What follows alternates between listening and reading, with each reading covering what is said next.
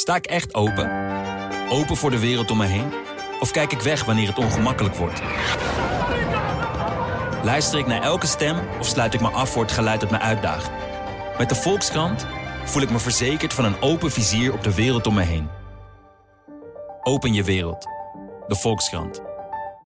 Uh, hallo, mijn naam is Gijs Groenteman. Ik zit in de archiefkast weer eens tot mijn grote plezier op de redactie van de Volkskrant.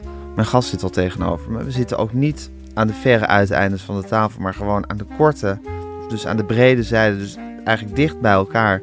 Dus het voelt weer helemaal als pre-corona. Ehm, nou, dus dat is, dat is even een onzinnige mededeling, maar wel prettig om te, om te uh, ervaren. Voor mij in elk geval om hier weer te zijn en zo te zitten. Uh, ik zal meteen even een foto maken, dat vergeet ik altijd. Dat vergeet ik vaak tegenwoordig. Zo, heb ik die alvast gemaakt. Uh, mijn gast zit tegenover me. Hij heeft net een boek geschreven. Uh, dat moet een, uh, dat moet een uh, heel ding voor hem zijn geweest, maar daar gaan we het zo meteen over hebben. Dat boek beschrijft eigenlijk zijn jeugd, zou je kunnen zeggen. In grove lijnen. zijn jeugd als worstelende tiener, als zoekende tiener, als kind, als tophockeyer in spe, als tophockeyer af op een gegeven moment. En als ja, uit de kast komende homoseksueel en daarmee worstelend. En uh, wat daar zijn gedachten en gevoelens bij waren. In een paar kleine erotische avonturen. Het is een fascinerend boek. Het heet De Laatste Man. Uh, de schrijver zit hier tegenover me. Dus ik ben ook, wel. Uh, bedoel, ik zou het moeilijk vinden om nu keihard te zijn. Wil ik ook niet hoor. Maar goed, dat, is ook wel, dat zou ook wel lastig zijn nu. Het boek heet De Laatste Man. Het ligt nu in de winkels. En ik ga nu spreken met de auteur Pepijn Keppel. Nou, Pepijn. Ja. Was het, was het een ding voor je om dat boek te schrijven? Um, ik was eigenlijk bezig met een ander boek. Ja. Uh, en uh, dat deed Je bent journalist, hè? Moeten ja. we er even bij zeggen. Want ik heb ja. je nu alleen nog maar als uit de kast komende tiener en ex-tophockeyer uh, beschreven. Ja, maar je ook, bent journalist. Ja, ik vind het ook wel fijn dat je dat zegt. Want het is wel voor mij... Ik merk heel erg aan mezelf dat ik nu heel erg ik naar voren word geschoven als de ex-tophockeyer die een boekje heeft geschreven, zeg maar. Terwijl, ja, ik werk al zeven jaar als journalist. En ja, ik was ook tophockeyer en... Uh, ik, voel me, ik wil mezelf ook schrijver voelen en mezelf juist verenigen met die identiteit, die nieuwe identiteit van mij. Maar ondertussen word ik juist nu heel erg teruggeworpen. In jouw identiteit. Ja, ik Ja. ben nu steeds die hockeyer weer. Ja. Terwijl ik dat eigenlijk natuurlijk, ja, voor mijn gevoel niet meer ben. Sorry. ah, er komt iemand binnen. Ik weet niet wat hij kan doen. hij is alweer weg. Ja. Ja, terwijl je dat niet meer bent. ja, terwijl ik dat niet meer ben.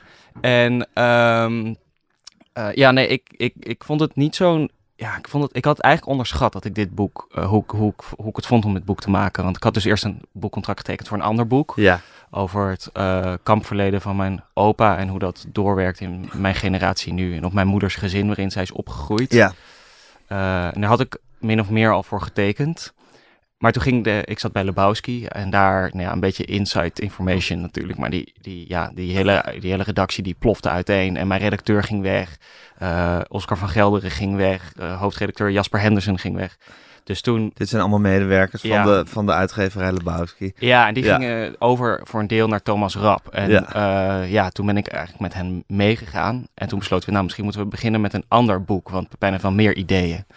Eh, dus toen zei ik, ja, ik wil eigenlijk wel een boek maken over mijn tijd als tophockeyer. Ehm, maar ik dacht, nou, dat doe ik wel even. Want ik had er al best wel regelmatig over gepraat. Eh, en ik dacht, nou, dat doe ik even. Maar dat, ja, dat, dat viel echt heel erg tegen. Maar was nou de drijfveer om dit boek te schrijven... ja, een soort personele wisseling bij uitgeverij Lebowski... en een overgang naar Thomas Rap? Ja, Of had je ook nog een soort innerlijke eh, drang om dat verhaal op te schrijven? Nou, eh, sowieso een innerlijke drang, want eh, dit verhaal... Kijk, het is heel moeilijk omdat het verhaal zo persoonlijk is dat ik dacht van wil ik, wil ik dat beest in de bek kijken, wil ik daarmee, wil ik daarmee bezig gaan. En ehm, ik dacht dat ik het verwerkt had. Ehm, en tegelijkertijd vind ik het heel, ik merk ook dat het, het is eigenlijk niet meer, dit, het, boek is ook niet, het is niet echt mijn strijd, zo voelt het niet. Het voelt heel erg alsof ik het heb geschreven voor alle jonge jongens en meisjes en alles daartussenin die nu op die sportvelden staan of nu aan het worstelen zijn met hun identiteit. En eh, om dat inzichtelijk te maken voor hun ouders en de mensen in hun omgeving. Dus het is ook niet voor mij, eh, ook dat ik, ja, alles wat ik nu doe deze weken rondom dat boek, dat voelt ook niet alsof ik het voor, ik doe het in elk geval niet voor mezelf. Ik doe het echt omdat ik hoop dat het iets verandert voor, voor, voor, voor die mensen. En ik vind het wel, ja, ik vind het daarom daarom moest ik dit boek ook wel maken in eerste instantie, denk ik. Ehm, en kon ik ook niet. Ik merkte dat ik ook vastliep in het andere boek. En dat ik hiermee steeds notities aan het maken was in mijn telefoon. En Ja, maar Pepijn, ik geloof toch eigenlijk niet dat als je denkt dat je dat, dat je dat voor anderen doet, mensen die je niet kent en die nu misschien dezelfde strijd of een heel andere strijd of een vergelijkbare strijd, ja, ook, wie voert er ook weer geen strijd in zijn puberteit, maar goed, mensen die in een vergelijkbare situatie zitten om te helpen, dat je het niet eigenlijk dan ook gewoon doet voor jezelf in die tijd, zou ik maar zeggen. Dat het ook een, s- bijna een soort, een, soort, een soort handreiking is aan wie je zelf was. ja, dat maar- je het jezelf uitlegt, als het ware. Ja, misschien wel. Misschien wel. Ik denk dat ik ook. Ik denk dat ik er eigenlijk nooit goed genoeg over had nagedacht. Over hoe die periode voor mij was. En ik merkte dus ook, want ik ben in het boek komt ook veel voor dat ik bij veel bij psychologen zit en zo. Maar dat was heel erg over wie ik toe, wie ik op dat moment heel erg was. En Ja, en die ook- scènes bij die psychologen, die hebben ook bijna iets, ehm, ja, vreemds. Alsof ze in een soort andere realiteit plaatsvinden of zo. Ja, Ook hoe je die psychologen beschrijft. ja, Ehm, alsof dat niet, alsof dat soort, alsof jij dat niet echt bent die daar dan zit. Alsof zij bijna geen echte mensen zijn. ja. Dat heeft niet echt het, dan krijg je niet het gevoel van, oh, nu is deze jongen even tot diep in zichzelf aan het doordringen. Nee, maar dat liet ik ook niet gebeuren. Nee, Dus het is ook wel. Ik, eigenlijk trok ik mijn harnas aan en ging ik naar de psycholoog. En dan zat ik daar tegenover die psycholoog. Ja. En kon ik alsnog niet mezelf zijn. om te vertellen wat je, wat, je, wat je dacht dat je al de hele tijd moest vertellen. Ja. En dat misschien bijna bevestigd te krijgen dan van die psycholoog dat dat het goede was. Ja, ik heb Ja. altijd wel dat ik het prettig vind als andere mensen keuzes voor mij maken. Dus dat ik Mhm. dan, als ik dan daar zit... Ja, het was heel prettig geweest als zo'n psycholoog eigenlijk tegen mij had gezegd van... Ja man, je moet niet zo moeilijk doen. je valt gewoon op mannen, weet je wel. En eh, ja, misschien is dat ook niet de rol Had je dat die- prettig gevonden? Nou, ik denk, dat dat ik, er, ik denk dat ik op dat moment heel erg van was geschrokken. Maar ik had het denk ik wel misschien eerder... Ja, ik was misschien wel eerder dat ik, dat ik daar meer over was na gaan nadenken. Of, Maar je zegt, ik vind het prettig als andere mensen keuzes voor mij maken. ja, Eh, we hadden het net even over een podcast die jij eerder hebt gemaakt eh, met, een, met een collega van je. En toen had je het over dat je ook wel, dat je dat ook wel af en toe tot enige strubbelingen leidde, omdat je best wel een control freak bent. ja, En ik, eh, ehm, eh, ik, ik lees je in het boek ook als een zeer conscientieus opererend iemand. eh, die heel erg het gevoel heeft dat hij, dat hij moet doen waarvan hij denkt dat er van hem verwacht wordt. ja, Maar uiteindelijk ben jij het toch die beslist dat hij dat moet doen. ja. Ik bedoel, jij eh, voelt die verwachting, of je denkt die verwachtingen te voelen. ja, Hebt dan de diepe overtuiging dat je dat moet doen en gaat dat vervolgens super ijzeren heinig doen. ja, Dus ik vraag me eigenlijk af of iemand jou van dat pad had kunnen ja. eh, afduwen. En of je niet juist eigenlijk veel meer een soort bevestiging nodig had van mensen die altijd maar zeiden van ja, je bent nu echt het goede aan het doen.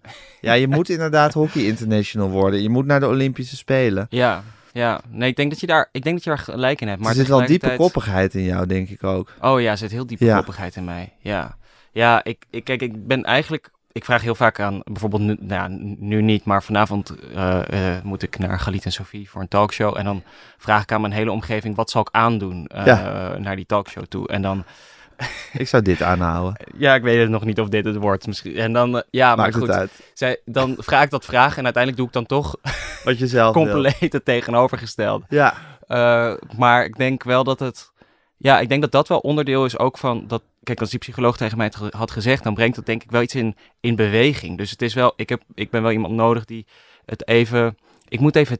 Ja, bijna testen of zo. Of even het gevoel hebben dat iemand me even prikt. Of even op een bepaalde manier stuurt. En dat ik dan denk van. Oh ja, eh, misschien is dit wel zo. Ja, kijk, ik zeg, het, is, het is zo moeilijk. Want dan zeg ik van ja, ik hoop dat ze. Ik hoop dat die, of dat had misschien geholpen op het moment dat ze dat tegen me hadden gezegd. Ik denk dat ik het heel confronterend had gevonden. Maar ik denk, ja, weet je Gijs, die, die pe- periode is zo een moeilijke... Het is zo moeilijk om, als, als heet, om het aan het hetero's uit te leggen. Want het is een periode die niet te bevatten is. Mhm. Ik kreeg gisteren een berichtje van een voormalig teammanager eh, van Bloemendaal. En die zei van, eh, ja, ik denk dat het prima had gekund dat je hier uit de kast was gekomen in dat jeugdteam. Ja. eh, toen ik daar nog zat. En toen dacht ik van, ja, ik begrijp dat het voor jou of voor hem dus zo lijkt alsof dat had gekund. Maar in mijn hoofd was daar totaal geen ruimte voor. nee. En ehm, dat heeft denk ik niet zozeer te maken alleen met het accepteren van wie je bent. Maar het heeft ook te maken met dat de wereld voor een heteroseksuele man een heel andere wereld is dan voor een homoseksuele man. Ja. Voor mij voelt de wereld heel vaak vijandig. Op het moment dat ik mijn vriend op straat eh, gedag zeg, dan kijk ik eerst om mij heen om te kijken, oké, wat voor mensen lopen hier. Ja, een soort controle eh, uit te voeren. Ja, van Ja. eh, krijg, liggen we dan niet hierna samen met, ons, met onze slaap op de stoep, weet je wel? Dat zijn wel de, dat zijn wel de gedachten die, die je hebt, waarbij Mhm. ik denk dat je als hetero die gedachten niet hebt. Nee. Ehm, eh, en zo was het ook in het hockey. En wel, en wel kan, kan begrijpen, maar niet kan doorvoelen. Ja, dat Ik, denk ik, kan het, ja. ik kan het met mijn verstand snappen dat je dat, dat, je dat moet doen. Ja, En zeg, maar je kan natuurlijk niet echt, echt voelen hoe dat is. nee, Nee. nee, En ik denk ook wel dat eh, op zo'n hockeyveld is het natuurlijk... Ja, gewoon topsport is, e- is gewoon heel erg een macho cultuur... waar je, die je echt heel moeilijk kan uitleggen... ook aan mensen die nooit topsport hebben gedaan. Omdat het een, een cultuur is waarin eigenlijk alles wordt bepaald door hiërarchie. Het gaat over wie mag er... eh, wie draagt de aanvoerdersband? Dat is over het algemeen niet de beste, of dat is over het algemeen niet de, de grootste leider, maar wel vaak de beste speler bijvoorbeeld. Of eh, wie eh, bij het hockey dan, wie neemt de strafcorner? Of in het voetbal, wie neemt een strafschop? Ja, dat zijn niet altijd de jongens die het best een strafschop kunnen nemen. Of het best, ja, bij een hockeycorner is dat, zijn er misschien vijf jongens die een strafcorner kunnen nemen. Maar het is niet altijd de beste. Het gaat ook over de hiërarchie binnen het team. ja, Eh, en ik denk dat dat, ja, dat, dat, dat zo'n dat zo'n vijandige omgeving om als homoseksuele jongen in terecht te komen, Mhm. dat ik me ook afvraag of ik. Soms denk ik wel eens van, ja, als, ik nou, als het nou niet zo was geweest, had je, dan de top, had je dan de top gehaald? En dan denk ik, ja, nou, het zou best kunnen dat ik dan de top had gehaald. Maar wat ik vooral moeilijk vind, is dat ik gewoon nooit mijn aandacht heb kunnen focussen op alleen maar tophockeyer zijn. Want dat was voor mij, heeft in mijn hoofd gewoon nooit plaatsgevonden. Dat ik alleen maar eh tophockeyer was in die tijd. En misschien past het ook wel bij, want ik ben nu ook niet alleen maar journalist. Maar het is wel voor mij heel. Het, het voelt wel alsof ik daar in elk geval nu mijn leven aan heb gewijd. Aan, aan het schrijven en eh, aan dingen uitzoeken. En, nou in ieder geval zit je misschien niet in een omgeving die je als, als ehm, zo vreugdeloos ervaart zoals je het hockey in ieder geval beschrijft. Ja, ja, ik vond het echt verschrikkelijk. Ja. ja, ik vond het echt verschrikkelijk. Maar ik vind ook wel, wat ik eigenlijk nog het meest moeilijk vind aan die periode, aan, aan mijn jeugd, is dat ik het gevoel heb dat iedereen het goed probeerde te doen, snap je? Dus dat het niet, het was niet zo dat, ik denk dat iedereen dacht die met, die met mij heeft gewerkt als speler, of nou, en als mijn ouders of Ja. familie, dat iedereen wel dacht van, oh, we doen nu het goede voor Pepijn. Alleen dat ik dat zelf za- niet zag, dat dat gewoon niet het goede voor mij was. Of misschien wel voelde dat dat niet het goede voor mij was. Maar dat, het, dat ik dat eigenlijk niet kon zeggen. Omdat zij nou eenmaal... Ja, als iemand denkt dat hij het goede voor je doet... en dan tegen diegene moet zeggen... je doet niet het goede voor mij... dat is best wel een stap als kind. Ja, Ehm, dus ik denk niet dat dat... Er is één keer een moment geweest, dat weet ik nog wel goed... is dat mijn oom, de broer van mijn moeder... die eh, zei op een gegeven moment tegen mijn ouders... ja, je moet hem een keer laten. Je moet eens kijken, weet je, misschien wil hij dit wel helemaal niet. Misschien Ja. is dat hockey wel helemaal niets voor hem. Eh, waarop mijn ouders naar mij toe kwamen en zeiden van... is dat dan zo, is dat dan, weet je? Vind je dit wel wat je wil? En toen durfde ik ook niet te zeggen dat, dat, dat, ik, dat het helemaal niet was wat ik wilde. nee. Dus ik wilde ook mijn ouders niet teleurstellen in eh, dat zij altijd voor mij klaar stonden en me overal naartoe reden om, eh, om mij maar te faciliteren. Nee. Maar dit is, eh, los van je seksuele geaardheid, is dit ook gewoon een karakterschets van jou natuurlijk. Ja, denk ik wel, ja. Ja, Ja, dat is, dat is ehm, ja, ik vond het fascinerend, Pepijn. Je was te gast in, bij Met het oog op morgen, bij Koen Verbraak. ja. En toen eh, legde je uit wat jou zou zeggen, jouw voorbereiding was voor dat interview. ja. Ja, dat vond ik. Ik bedoel, ja, dacht ik meteen, oké, dit is interessant. Kan je, dat, kan je dat nog een keer, kan je dat nog een keer, ik weet niet of je dat nu ook weer herhaald hebt. Ja, ja, dat is Ja. nu vandaag ook precies hetzelfde Ja, geweest. hoe, wat, hoe, hoe, want je moest dan bij met het oog naar met het oog op morgen. Ja, En wat, wat, of nu hier naar deze kast. En wat, wat doe je dan? nou, ik denk als we, het, het is nu bijna hetzelfde, dus ik kan het net zo goed voor Ja. vanochtend doen. Dacht ik, nou, ik ga vandaag even een beetje uitslapen, zodat ik eh, in elk geval hier een beetje uitgerust zit. Want de Ja. afgelopen week vond ik best wel heftig, ehm, eh, toen mijn boek uitkwam. En toen ben ik nou, wat later opgestaan. Gewoon wat je altijd doet natuurlijk. Wat douchen is en je normale tijd om op te staan? Ik denk dat ik meestal rond kwart over zeven, half acht. Oké, en nu heb je zelf gewoon tot, tot negen uur. Nee, acht uur. Tot acht uur, oh, tot acht uur. Ja, dat vind ik wel uitslapen hoor. Oké, dat is ja. uitslapen. ja, want ik sta bijna elke dag wel, wat dat betreft, ben ik net Arie Boomsma.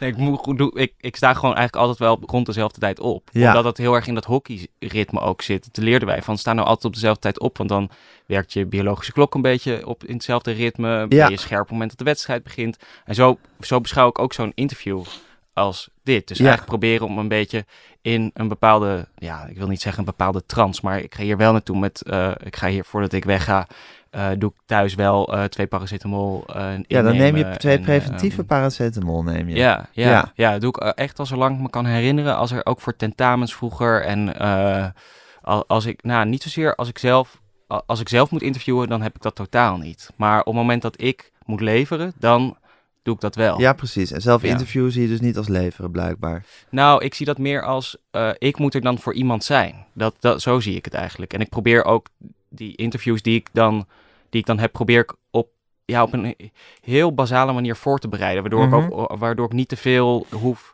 Waardoor als je tegenover iemand zit ook verrast kan zijn over iets Ja. bijvoorbeeld. Terwijl dat niet, dat, dat vind ik heel moeilijk om een soort gespeelde verrastheid tegenover precies. iemand te spelen. Ja, maar je hebt dus Ehm. met interviewen heb je een soort ontspanning die je eigenlijk met eh, je andere soort professionele of toegewijde bezigheden niet per se had. Want had je het gevoel dat Ja. jij altijd moest leven. Ja, ja, Ja. ja. dat denk ik wel. En het is niet zo dat ik nu per se... Dat is ook wel gek, want als ik hier zit heb ik weer helemaal niet het gevoel alsof ik moet leveren, snap je? Dus dat is ook wel... Alleen bij Koen Verbraak had ik dat wel bij het oog op morgen. Want ja, dan moet je ook in 10 minuten. Ja, je weet, ik heb 10 minuten en eh, dan moet het wel vol gas erop. Ja. voor die 10 minuten en dan ben ik daarna ook totaal gesloopt. ja. Eh, Oh ja? ja, ja, ja. Ja, dan stort ik echt in. Dat is gewoon... Ja, niet dat ik omval, maar wel dat ik daarna... eh, met mijn ho- in de auto terug achter het stuur een aantal keer met mijn hoofd moet schudden om niet in slaap te vallen, zeg maar. Dat is wel Omdat je zo'n eh, inspanning hebt geleverd dan. ja, ja, omdat ik zo probeer dan zo scherp te zijn op wat ik wil vertellen. En of ja, gewoon die hele setting is voor mij natuurlijk. Ja, ik ben, ben nog, nog maar 26. Dus voor mij is het ook ja, gewoon overweldigend. Ik ben een jongen die zelf achter mijn laptop verhalen schrijft. Dus op het moment dat je dan een studio in eh, wordt getrokken, is dat altijd anders en Ja. altijd overweldigend. Ja, Ehm, dus ik denk vooral dat al die indrukken en al die prikkels dan me vervolgens gewoon, ja, die maken me zo moe.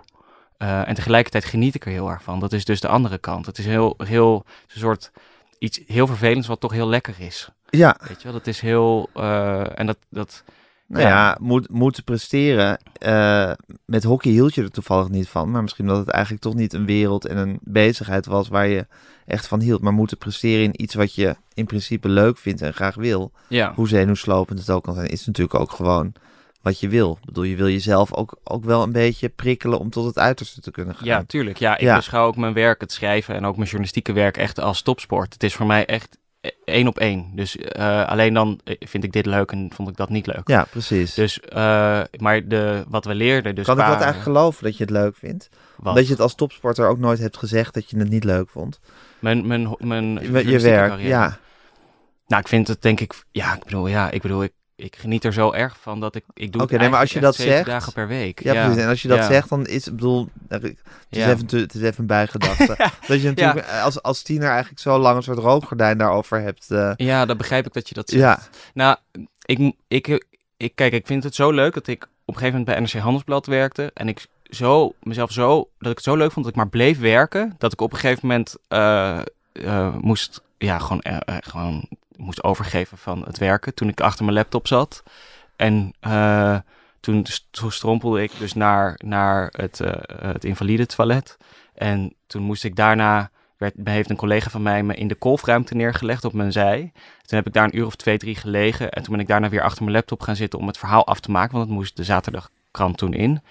Ehm, en toen ben ik daarna naar huis gegaan. En dat is wel, dan ben ik er gewoon wel weer maandag. Dus voor mij is wel de toewijding naar, naar de journalistiek of naar het schrijven is voor mij zo groot dat ik wel tot zover ga dat ik, ja, ik ga gewoon eigenlijk over mijn grens. Over elke grens die ik, die ik ken. Ik voel die grens ook eigenlijk niet totdat het dus, dat ik er overheen ben gegaan.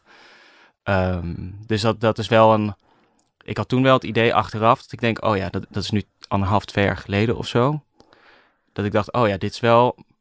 Dit gaat wel ver. dit ik, gaat wel ver. ik moet mezelf wel een klein beetje in acht nemen. Ja, en iedereen zegt het ook altijd tegen me. Van doe nou een keer, kies er nou voor om rustig aan te doen. Of om meer, meer rust in te bouwen. Of om vaker weg te gaan op vakantie of wat dan ook. Maar ja, eh, mijn moeder zegt altijd tegen me, duizend bloemen bloeien voor mij. Dus ik kan niet kiezen tussen al die duizend bloemen. En ik wil ook eigenlijk allemaal. En Ja. dat is dus een heel, eh, ja, dat, dat, dat zorgt er gewoon soms voor dat ik me dan over de kop werk. Hey, Ja. en Pepijn, toen jij, toen jij nog hockeyer was, hè, was je toen eigenlijk competitief? In de zin, kon het je... sche- Kijk, je vond het sowieso... Je vond het in principe niet zo leuk. Maar goed, je hebt het toch vele jaren met heel veel toewijding gedaan.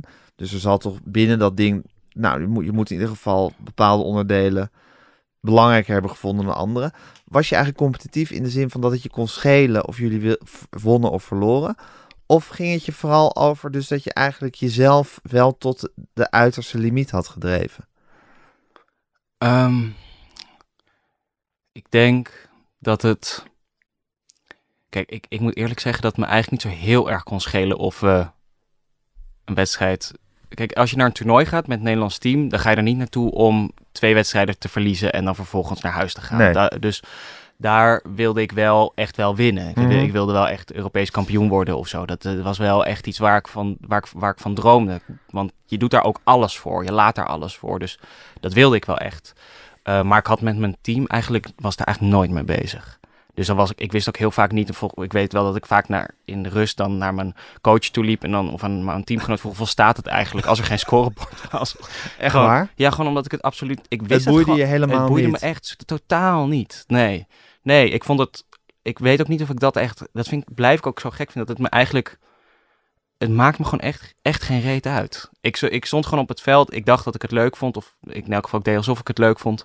En ehm, uiteindelijk ging het me erom, denk ik, dat ik beter werd. Of ik had gewoon een doel voor mezelf gesteld en dat wilde ik halen. En voor mij was het doel dan eh, Olympische Spelen of eh, eh, in het eerste van Bloemendaal terechtkomen. Nou ja, en dat was voor mij, dat doel was zo heilig dat ik dacht, ja, die weg zal gewoon wel heel erg, zal wel gewoon heel erg vervelend zijn. Ja. Dus dan hoort het er blijkbaar bij dat ik dit allemaal niet leuk vind.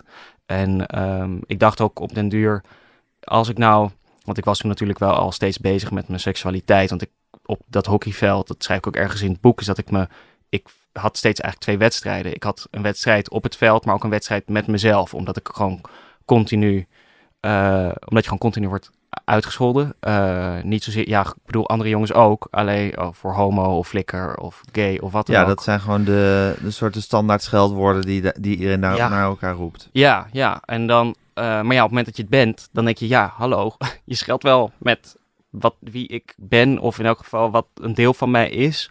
En dat vond ik wel, ja, ik vond het wel, ja, kon, ja, ik kon er niet tegen eigenlijk. Het was gewoon, dan eigenlijk elke keer dat dat gebeurde, was ik echt, ja, ik merk wel dat ik toen echt uit het veld geslagen eh, was. Zou het uitmaken als ze met andere Ja. woorden hadden gescholden? Denk het wel, ja. Als we een klootzak hadden geroepen of eikel? Of, ja, ik eh, denk het wel. Ja, ja want het is, het is, daar zit helemaal niet die emotionele lading voor mij in. Nee, Nee, ik vind dat ook bijna. Ja, ik bedoel, het zijn natuurlijk. eh, we noemen dat scheldwoorden. Dat hebben we met z'n allen zo bedacht. Maar het voelt voor mij niet per se als een, als een scheldwoord als je dat op een nee hockeyveld maar goed, zegt. dat is natuurlijk, dat natuurlijk, natuurlijk bij de, de adrenaline en de soort de, de druk eh, waaronder je sport, hoort het een beetje dat je naar elkaar dingen roept en Ja. Ik bedoel, dat is gewoon, Ja, ja, het is een soort oerdrift. dat is een soort oerdrift Ja, die er loskomt. dus dat, dus eh, we hoeven niet, niet te gaan verlangen dat, dat iedereen op het, eh, op het hockeyveld gaat roepen van, hé hey, Dirk Jan, eh, speel die ballen eens een beetje rustig of zo. Dus er moet bij gescholden worden. Ja, nee, maar dan zou het dus uitmaken, want en eigenlijk is dat, is dat flikker of, of homo. Of, is natuurlijk, bedoel, dat wordt natuurlijk niet met een soort betekenis Nee, nee. geroepen. Het is waarschijnlijk voor hun net zo makkelijk om klootzak of eikel of eh Ja, paardenlul, of weet ik veel wat. dat denk ik ook. roepen. Ja, ja, en dat Ja. maakt het dus extra, extra moeilijk. Want voor mij betekende het wel iets extra's, maar Ja. voor hen niet. En ik denk dat dat wel. Dat uitleggen is gewoon heel ingewikkeld, omdat zij die intentie niet hebben, snap je? En dat is wel in de. Dat, dat vind ik. Het gaat, of het nou. De- ik vind dat wel heel belangrijk. Want ik vind wel. eh, ik, ik vind wel. eh, dat, ik vind het belangrijk dat iedereen alles moet kunnen zeggen in theorie. Alleen ik vind dat je dan ook Ja, eh, daar. Dat, er, dat, er, dat je dan ook een weerwoord moet kunnen ontvangen. En dat dat dan. ja. en ik vind het ook Ehm, wel, nou goed, ik voel mijn kinderen toevallig heel erg op met dat je met die woorden gewoon niet scheldt. Ja. Dat het gewoon, ja, ik vind het gewoon onprettig. Ja, En met ziektes in principe ook niet, tenminste niet met kanker. nee. En ehm, Nee, maar ik denk Ja. dat dat niet. Dat is natuurlijk een, een zo'n selecte groep in de samenleving. zeker, nee, maar dat Dus is wel iets wat wel- vrij makkelijk, dat zou vrij makkelijk te, Ja, te regelen zijn als iedereen daarvan overtuigd was dat dat het goede zou zijn om te doen. ja. Het, is niet zo'n, het is niet een heel ingewikkelde pedagogische kwestie om dat, eh, nee. om dat te doen. Maar je moet even die overtuiging eh, ja, met z'n allen hebben. ja, maar ik denk ook dat dit boek. Ik hoop gewoon dat. Ik hoop eigenlijk heel erg dat heel veel hetero's het lezen. Ja, Omdat het dus heel erg inzichtelijk maakt, volgens mij, wat er gebeurt in het hoofd van een jongen die hiermee te dealen heeft. Of, eh, en dat, dat, dat dat dus, wat dat betekent op het moment dat je dus, dat daarmee gescholden wordt. Zeker. Maar Ehm, ik dacht ook, Pepijn, het lastige is natuurlijk dat je, dat je in die sport, dat je inderdaad, iedereen wordt groot in de sport.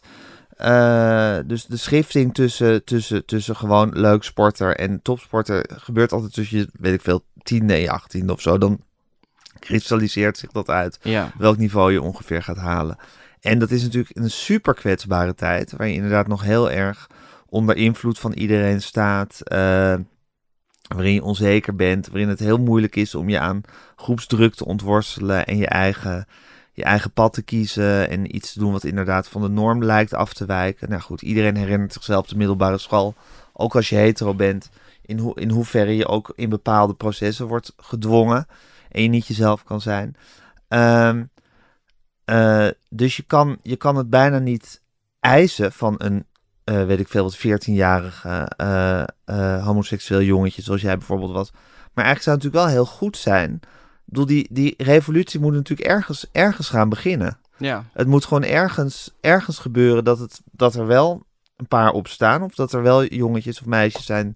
Ik denk dat bij meisjes trouwens ja, is mag anders. anders is. Ik Ja. denk dat er bij, bij, bij vrouwenvoetbal dat, dat het veel, eh, Ja. dat het totaal geaccepteerd is. Nee, dat denk ik ook. Maar Ja. ik denk wel dat het.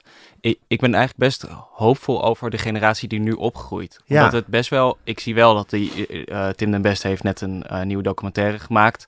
Eh, ik weet even, ik ben even de naam vergeten. Maar dit is wel. Wat ik heel interessant vond, is dat dan hij op een school komt en daar.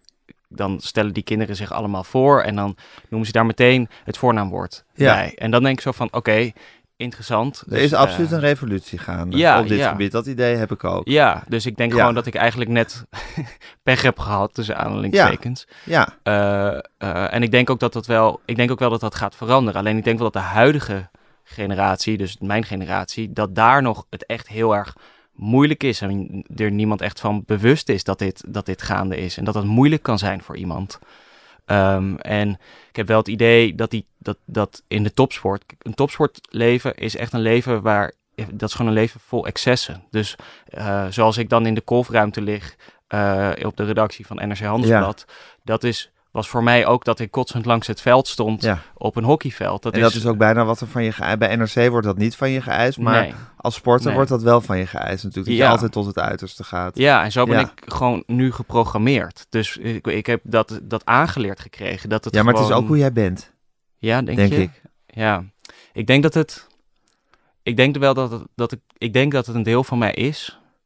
Nou ja, dat, dat blijkt alleen al uit het feit dat je eh, zo ver bent gekomen in iets waar je geen vreugde aan hebt beleefd. Ja, Dat je, dus, dat je dus bereid of in staat bent geweest om je zo lang, zo intens op te offeren. Omdat dat nou eenmaal het pad was wat toevallig, of het ding was toeval, wat toevallig op je pad kwam. ja, En je voelde dat je daar je ouders een plezier mee deed. En je omgeving dat iets had van, nou dat moet je doen. ja, En dat je gewoon als een, ja bijna als een robot, ja, gewoon, ja, tot het moment dat het echt niet meer ging. Maar toen werd je eigenlijk ook fysiek gedwongen daardoor. ja, Toen kwam er ineens een soort knak door, door, door, een, door een blessure. En waardoor alles eventjes ineens ja. kantelde. En dat je eigenlijk een Ja. soort Toen werd een ontsnapping beslissing had. voor mij gemaakt. Toen werd op zin voor je gemaakt. Ja. Je werd je toen even uitgehaald. En ben je toen gewoon niet meer teruggekomen eigenlijk. Ja, ja, klopt. Ehm, maar goed, het feit dat je dus, dat je dus als, een, als een soort robot eigenlijk zo lang dat pad hebt bewandeld. ja, ehm, ja, wil toch zeggen dat het ook echt in jou zit van... Oké, dit is mijn doel. Dit gaan we doen. En ja, ik laat er alles voor wijken. Gewoon Ja. zelfs ook mijn eigen weerzin en wat dan ook. ja, ik denk dat dat zo is. Ja, Ja, ja want dat, ik, ik- toen ik dit boek ben ik gaan, of in elk geval een boek, ik wilde een boek maken, Ja. daar begon het mee. Ja. En ehm, ik kreeg voor mijn verjaardag van eh Maaike van Leeuwen, een goede vriendin van mij, een, een, een boek bij, op de redactie van NRC van eh, Peter Buurman. Eh, en toen keek ik voorin en toen zag ik staan dat hij, geloof ik, geboren is in 1990 of 1992 of zo. Ja. 92 geloof ik. En toen, ik ben uit, en toen ben ik uit, ik ben uit 96, dus dacht ik, oké, ik heb nog vier jaar. Ja. En dat is, dat is nu Ja. Als 2,5 je jaar concurreren met geleden. Peter Buurman, verlies je het altijd. Ja, dat denk ik ook. maar ik dacht wel, ik moet nu wel vaart maken. Ja, precies. Ja. Ja. En dat is dan, dat, dat was voor mij wel Dit de klinkt toch gewoon wel weer om- competitief. Ja, competitief hè. Dan, Ja, ja. maar misschien ook eh, gewoon planning. Dat je denkt, oké, dit is Ja. blijkbaar het ritme wat er, wat er, wat er geldt. Ja, maar ook wel dat ik, ik geloof er heel erg in dat je als je jong bent ook de kans krijgt om, eh, om misschien te, te falen ook. Of om iets te Mhm. doen waar je. Of om te, dat er ook schoonheidsfoutjes mogen zijn. Zeker. En eh, dus ik, ik, mijn doel was ook wel echt om jong te debuteren. Omdat ik dan het eh, ge- als schrijver. Gevoel had. Ja, omdat ik dan het gevoel had Ja. van, nou, dan, dan schrijf ik een debuut en dan eh, zal dat goed zijn of slecht zijn. Maar in elk geval zullen de fouten die ik maak, zullen eh, nog enigszins eh, door de vingers verantwoorden worden. zijn. Ja, ja, Ja. ja. want dan denken ze van, ja, de- deze jongen is pas 26. Ja. En eh, dat is wel, dat, dat, dat zit, dus er zit eigenlijk, het is best wel interessant, er eigenlijk een soort faalangst ook onder zit. Zo van dat ik denk van, ja, ik wil wel dan jong debuteren, want dan worden die fouten me een soort van vergeven. Ja. Dus het is wel ook, ja, ik ben heel competitief, denk ik, maar tegelijkertijd, en, en ik heb een doel en daar dat, daar laat ik echt alles voor, alles moet daarvoor wijken. En dan, maar tegelijkertijd heb ik enorme faalangst eh, om dan dat, ja, nou ja, dat, goed dat hoort daar natuurlijk bij. Die gaan, die gaan hand in hand. Ja, Ik bedoel, als je geen faalangst had, dan zou je waarschijnlijk niet zo ongelooflijk hard gaan om je doel te bereiken. ja, dan de- zou je er ook laconiek over zijn. denk je, nou ja, ja, dan zal ik falen. Kan ook een keer gebeuren. ja, Ik bedoel, dat is natuurlijk, het is natuurlijk de faalangst die hier, die hier jou naar voren schreeuwt de hele tijd. dat denk ik wel, ja. Ja. Ja, ja, Ja. dat is wel echt wat ik mezelf Ja, en ik denk dan toch, maar ik denk dus dat, dat, dat het bij jou niet zozeer competitief is. Omdat je dus, ik denk niet dat jij, dat jij, maar zeggen, een soort blinde haat voelt. Dat je denkt, ik moet Peter Buurman vermorselen. Nee. En ik zal een jaar eerder debuteren dan die klootzak. maar dat, je, dat, het, dat, het, dat het dus meer is dat je denkt, oké, dat is blijkbaar. Dus inderdaad, je, je hebt dan een soort categorieën. En denk je van, ja, oké, je, moet je, mag jo- je moet jong debuteren, want dan mag je nog fouten maken. En dan kan je op je 32e kan je met, een, met een volgend boek komen. Of met je derde boek, dat zal het dan ongeveer zijn. Derde, denk ik, En ja. dat is dan inderdaad al wat, wat beter. En dan, eh, dan word je een beetje tot het establishment. En weet ik veel. Dus dat je, dat, je, dat je meer ook voor jezelf als een soort geruststelling, bijna een soort alweer een soort heel plan hebt Ja, van hoe je het, hoe je het gaat doen. ja, Ja, en dat Ja. het dan, en dat het dan eh, zo, zo zal gebeuren allemaal. ja. Ja, Ja, ik moet een beetje lachen omdat ik had, ik heb een jaar, ik heb drieënhalf jaar bij NRC Handelsblad gewerkt. Ja. Toen ben ik daarna bij Follow the Money terechtgekomen. Daar heb ik onderzoek gedaan naar de sportwereld onder andere. ja. En toen heb ik ontslag genomen omdat ik het daar niet heel erg naar mijn zin had, onder andere. Was er te veel een Eh, topsportmentaliteit? Ja, precies. Ja, ja. het is natuurlijk, ja. ja, het een ging om door- scoren, scoren, scoren. Ja, en natuurlijk Ja. door een ex-topsporter geleid. Ja, Ja. ja. dat was, niet, eh, was voor mijn mentale welzijn niet, Niet heel goed. erg goed. Nee. Eh, dus toen heb ik daar ontslag genomen. En vervolgens eh, ben ik een eh, master milieuwetenschappen gaan doen. Omdat ik dacht, ja, stel nou dat die hele journalistiek helemaal niks wordt. Dan heb ik nog een vangnet. Ja.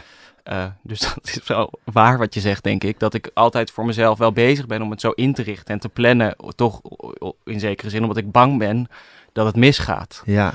Ehm, en dat ik ook, ja, ik heb gewoon weinig, ik heb weinig zelfvertrouwen, denk ik.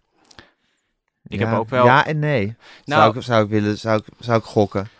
Ja, ik heb het idee dat het, dat het voor mij wel zo is dat ik eh, dan met zo'n, met, dan, als ik dan dat, toen ik het boek af had en naar mijn redacteur toe stuurde, toen dacht ik wel van, oh, dit gaat echt aan gort geschoten worden, dacht ik toen.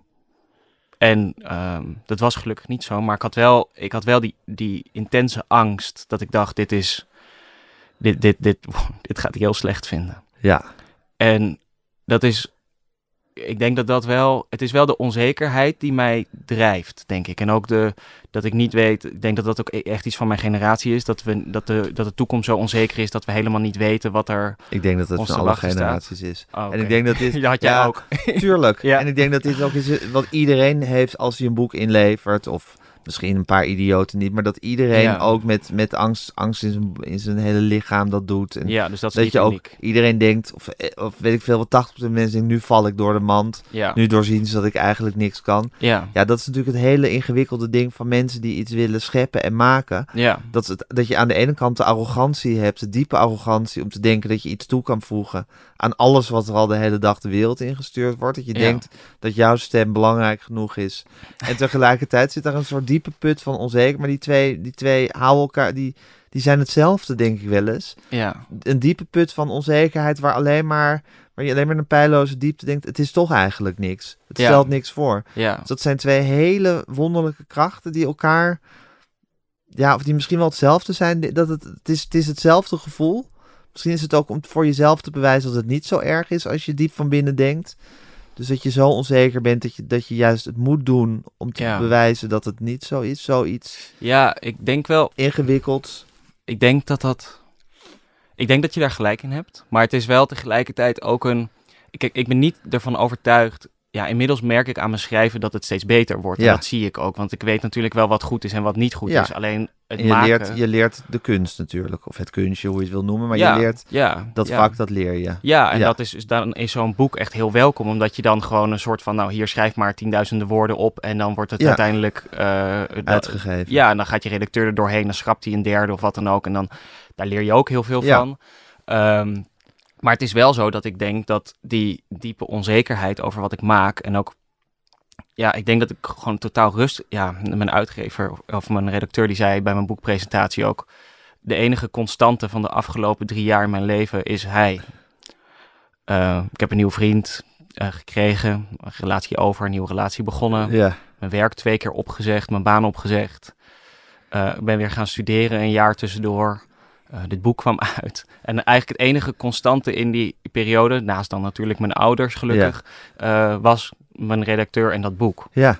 En dat was voor mij ook, de- dat, dat is wel, er zit een diepe onrust in wat ik, wat ik doe. En eh, er zijn zoveel, ja, ik bedoel, als ik, ik heb lijstjes in mijn telefoon met, oh, ik wil hier een volgend boek over maken en daar nog een volgend boek. En eigenlijk zou ik het liefst een kunstproject maken. Ik zou heel graag iets voor tv willen maken. Ik zou met dit boek eigenlijk een tv-serie willen maken over hoe het, dat je de, over topsporters of mensen in een heel heteronormatieve setting en hoe het dan is om een, tot een minderheidsgroep te behoren. Want ik denk dat het, en, ja, de, al die ideeën denk ik van, ja, dat wil ik eigenlijk allemaal doen. Ja. Maar dan denk ik continu van, oké, hoe, hoe kom ik daar? En Ja. dat is een vraag waar ik me eigenlijk de hele dag, ja, ik kan me daar de hele dag mee bezighouden. Gewoon, Ja. hoe kom ik op die, Ja, en aan de ene kant is dat, natuurlijk, is dat natuurlijk productief voor je, want ja, wil je verzint tenminste wel een strategie waarschijnlijk uiteindelijk. ja waarvan ik ook niet werkt of. of die je weet Ik dat- bedoel, je weet ook nooit wat. of het Ja, werkt. doe maar wat. Maar goed, je Ja. bent er wel mee bezig. Je, je gaat niet je leven zitten verlummelen of blauwend eh, in een hoek zitten. Nee, nee, weet nee. ik veel wat. Je- Nee, je, nee. Doet, je gaat wel aan de gang.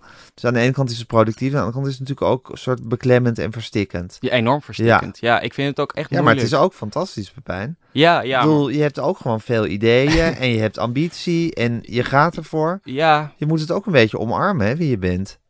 ja, maar dat kan ik niet zo goed. Nee. En ik dus ook, kan ook niet zo goed. ehm, ik, iedereen zegt nu van, oh, je moet ook een beetje genieten van dit, deze periode rondom zo'n de uitkomst van zo'n boek. En dan denk ik, ja, het lukt me gewoon niet. Nee, maar dat hoeft ook helemaal niet. Dus het is een. eh, Nee, maar je moet, maar je moet niet vechten tegen wie je bent, maar je moet genieten van, je moet genieten van wie je bent. Dus Ja. jij bent nou eenmaal een overambitieuze, super plannende, koppige, eh, ja, eigenwijze eh, presteerder. En niet omdat je dus op nummer 1 wil staan, maar omdat je, omdat je jezelf eigenlijk altijd tot het uiterste wil dwingen. Ja, Nou, geniet ervan. Ik bedoel, je bent tenminste geen, geen klaploper. nee, nee, nee, dat is zo. Maar dat is wel. De, ik denk dat de acceptatie van. Kijk, ik denk dat je dit deel van je, van je, van je leven, dus hoe, wie je bent of Ja. hoe je bent, dat je Ja. dat misschien accepteert in de periode dat ik aan het worstelen was met mijn geaardheid. Ehm, tenminste, Hmm. dat, is, dat is hoe ik er, hoe, hoe het voor mij. Ik, ik ben daar zo druk mee geweest in mijn Ja. hoofd. Ja, Dat- het is natuurlijk ook voor iemand met een met, met, met, met zoveel dwingende gedachten over hoe dingen moeten zijn, hoe het moet lopen, hoe je vindt dat het moet zijn, of hoe je denkt dat anderen vinden dat het moet zijn, waardoor jij ook vindt dat het zo moet zijn. Maar als je, zo'n, als je daar zoveel dwingende ideeën over hebt, is het natuurlijk ook wel een streep door de rekening. Als er, als er iets is wat dus nou, een beetje afwijkt, wat niet helemaal volgens de norm is. Ja. Ja, en wat je gewoon niet kan dwingen een andere kant op. Ja, ja, ja. Ja. Dat, dat was denk ik. Ja, ik bedoel, het leven was zoveel makkelijker geweest zonder dat, eh, zonder die moeilijkheid. Maar Ik denk dat het je redding is. dat het mijn redding Ja. is. Waarom denk je dat? Nou, ik denk dat het heel. Dat, bedoel, stel je voor dat je ook nog. Dat je dus met deze soort. soort, soort, soort dwingende. Eh, ambitie die jij in je hebt. Dat je ook nog eens gewoon een perfecte hetero was. Ik denk Ja. dat, je, dat je een vreselijk leven tegemoet was gegaan. ja, want dan had je nu al waarschijnlijk. Was je nu al waarschijnlijk. Ja, hoog bij een of andere McKinsey-achtige kutorganisatie geweest. En dan Ja. had je nu al een Land Rover gehad. Misschien had je dan nu al de vrouw gehad waarmee je al wist dat je daar drie kinderen mee zou gaan krijgen. Ja. Je had waarschijnlijk al je eerste, weet ik veel, koophuis in Beeldhoven of zo. Was je al mee bezig geweest. Ja, als, jij, als jij ook nog dat standaard pad eh, in je leven had kunnen bewandelen, nou, dan was je helemaal niet meer te houden geweest. Nee. Dan was nee. je, en, dan, en, en dan was je misschien ook ongelukkig geweest. Maar dan had je niet eens, dan had je niet eens de, de, ja, de kans gehad om er op één, op één manier aan te ontsnappen. En inderdaad in de journalistiek. Want het is natuurlijk toch ook, je bent ook gewoon gedwongen om iets anders te gaan doen. Ja, Omdat je je ongemakkelijk voelde als homo in die hockeywereld. ja. Ben je ermee gestopt en ben je die journalistiek ingegaan. ja, ja, en absoluut. nu schrijf je Ja. boeken en eh, eh, je hebt een vriend. En je wordt ook gedwongen dan inderdaad om niet het standaard leven te leiden. Ja. Wat je natuurlijk 100% zeker had gedaan als, je, als het helemaal volgens het plaatje was geweest. Ja, ja, ja, ja, misschien wel. Ik heb er denk ik nooit over nagedacht hoe het is om hetero, echt om, om hetero te zijn. Of hoe- Nee. hoe dat voor mij anders Nee, zou zijn geweest. nee. Maar ik denk wel, Maar ik denk dat het met jou... Nou goed, ik zal niet Ja, te lang nee, aan het woord zijn. Maar ik denk dat het met jouw karakterstructuur is. ja, eh, structuur heel goed is dat je, dat je op één punt gedwongen bent om het niet ja, helemaal volgens de standaardregels te doen. ja, Eén essentieel punt is niet zomaar een klein dingetje. ja, Maar dat dat, dat, dat, dat, dat je uiteindelijk veel gelukkiger zal maken en meer op zal Ja. leveren. ja, ja, ik denk dat, dat, dat, dat je daar wel, ik, ik denk als je het zo noemt, dat je daar gelijk in hebt. Het is wel, denk ik, dat voor mij de, ik, ik hoop, dat is echt wat ik hoop, is dat de journalistiek op een gegeven moment voor mij een plek wordt waar ik het niet alleen maar denk aan eh, dat presteren. Al denk ik dat dat misschien een hoop is die voor mij gewoon niet weggelegd is. Maar voor mij voelt dat wel, ik vind het wel belangrijk dat als ik iets maak, dat het gezien wordt. En dat daar bepaalde erkenning voor is. Ja. En kijk, we hadden het aan het begin van het gesprek over dat eh, of, ik het, of, ik het, of ik dat boek nou had gemaakt voor al die anderen of ook voor mezelf. Mhm. En ik denk ook dat, ik denk dat je wel gelijk hebt dat ik het boek ook voor mezelf heb gemaakt. Is, kijk, het is, natuurlijk denk ik als het boek uitkomt, ik hoop dat het, dat het iets teweeg brengt en dat we het erover kunnen hebben. Maar ik hoop natuurlijk ook dat het, dat het, mijn, dat het mijn schrijverschap inluidt. Weet je, dat is natuurlijk ook wat je hoopt met, zo, met, met zo'n boek. Dus het is een, eh, het heeft zoveel... Ja, maar dan wordt het alweer zoiets externs. Vind ik ook goed hoor, want dat is ook wie jij bent. Ik bedoel, Ja. jij moet nou eenmaal, jij, jij denkt al, zal ik maar zeggen, aan je tiende boek en dat er zo dat lijstje staat van eerder verscheen van Pepijn Keppel en dat je dat lijstje ziet. Nou, ik heb wel drie, de volgende twee zijn er. Ja, precies. Dus ik, Ja. weet, ik weet dat jij zo denkt en dat, Ja. is, dat is ook goed. Maar bedoel, je bent toch ook een scheppende figuur. Ja. En uiteindelijk schep je niet om dat lijstje te maken. Of ook, dat is deels, want dat is ook wie je bent. Maar je schept ook gewoon omdat er iets in je zit wat eruit moet. Ja, tuurlijk. Ik heb ook het idee dat ik er niet aan kan ontkomen. Want Nee. ik, wil, ik denk ook steeds wel van... Ik, toen ik die massa milieuwetenschap aan het doen was, dacht ik steeds van... Nou ja, nu kan ik altijd nog consultant Ja, maar je worden, zei, je dus, je zei dus eerder in het gesprek. Ik dacht dat ik, er al, dat ik er al goed over nagedacht had en dat ik het al verwerkt had. Ja, Maar dat bleek helemaal niet zo te zijn. nee. Dus dat, dat is dan toch in ieder geval voor een heel groot deel ook de reden dat je het boek hebt geschreven. Ja, dat je ja. jezelf gewoon, los van of er nu ergens een, een 13-jarig Pepijn Keppeltje is die dit boek zal lezen. Dus een nieuw Pepijn Keppeltje. Ja. En die er iets aan zal hebben. Ik bedoel, ja prima, dat zou fantastisch zijn. Maar het is ook gewoon dat je jezelf nu hebt gedwongen Ja. om drie jaar lang, want je hebt dus drie jaar lang aan gewerkt. aan Nee, nee, nee, nee. nee, Oké. Nee, een jaar denk ik. Oh ja, oké. Nog omdat niet je zei drie jaar Ja. de constant. Nou goed, een jaar, je hebt Ja. een jaar lang, Ja. en ik weet dat een boek schrijven intensief is. Dus ja. een jaar lang heb je, heel, ben je jezelf heel intensief moeten dwingen om even Ja. over deze materie na te Ja, denken. ik vond het helemaal niet intensief hoor.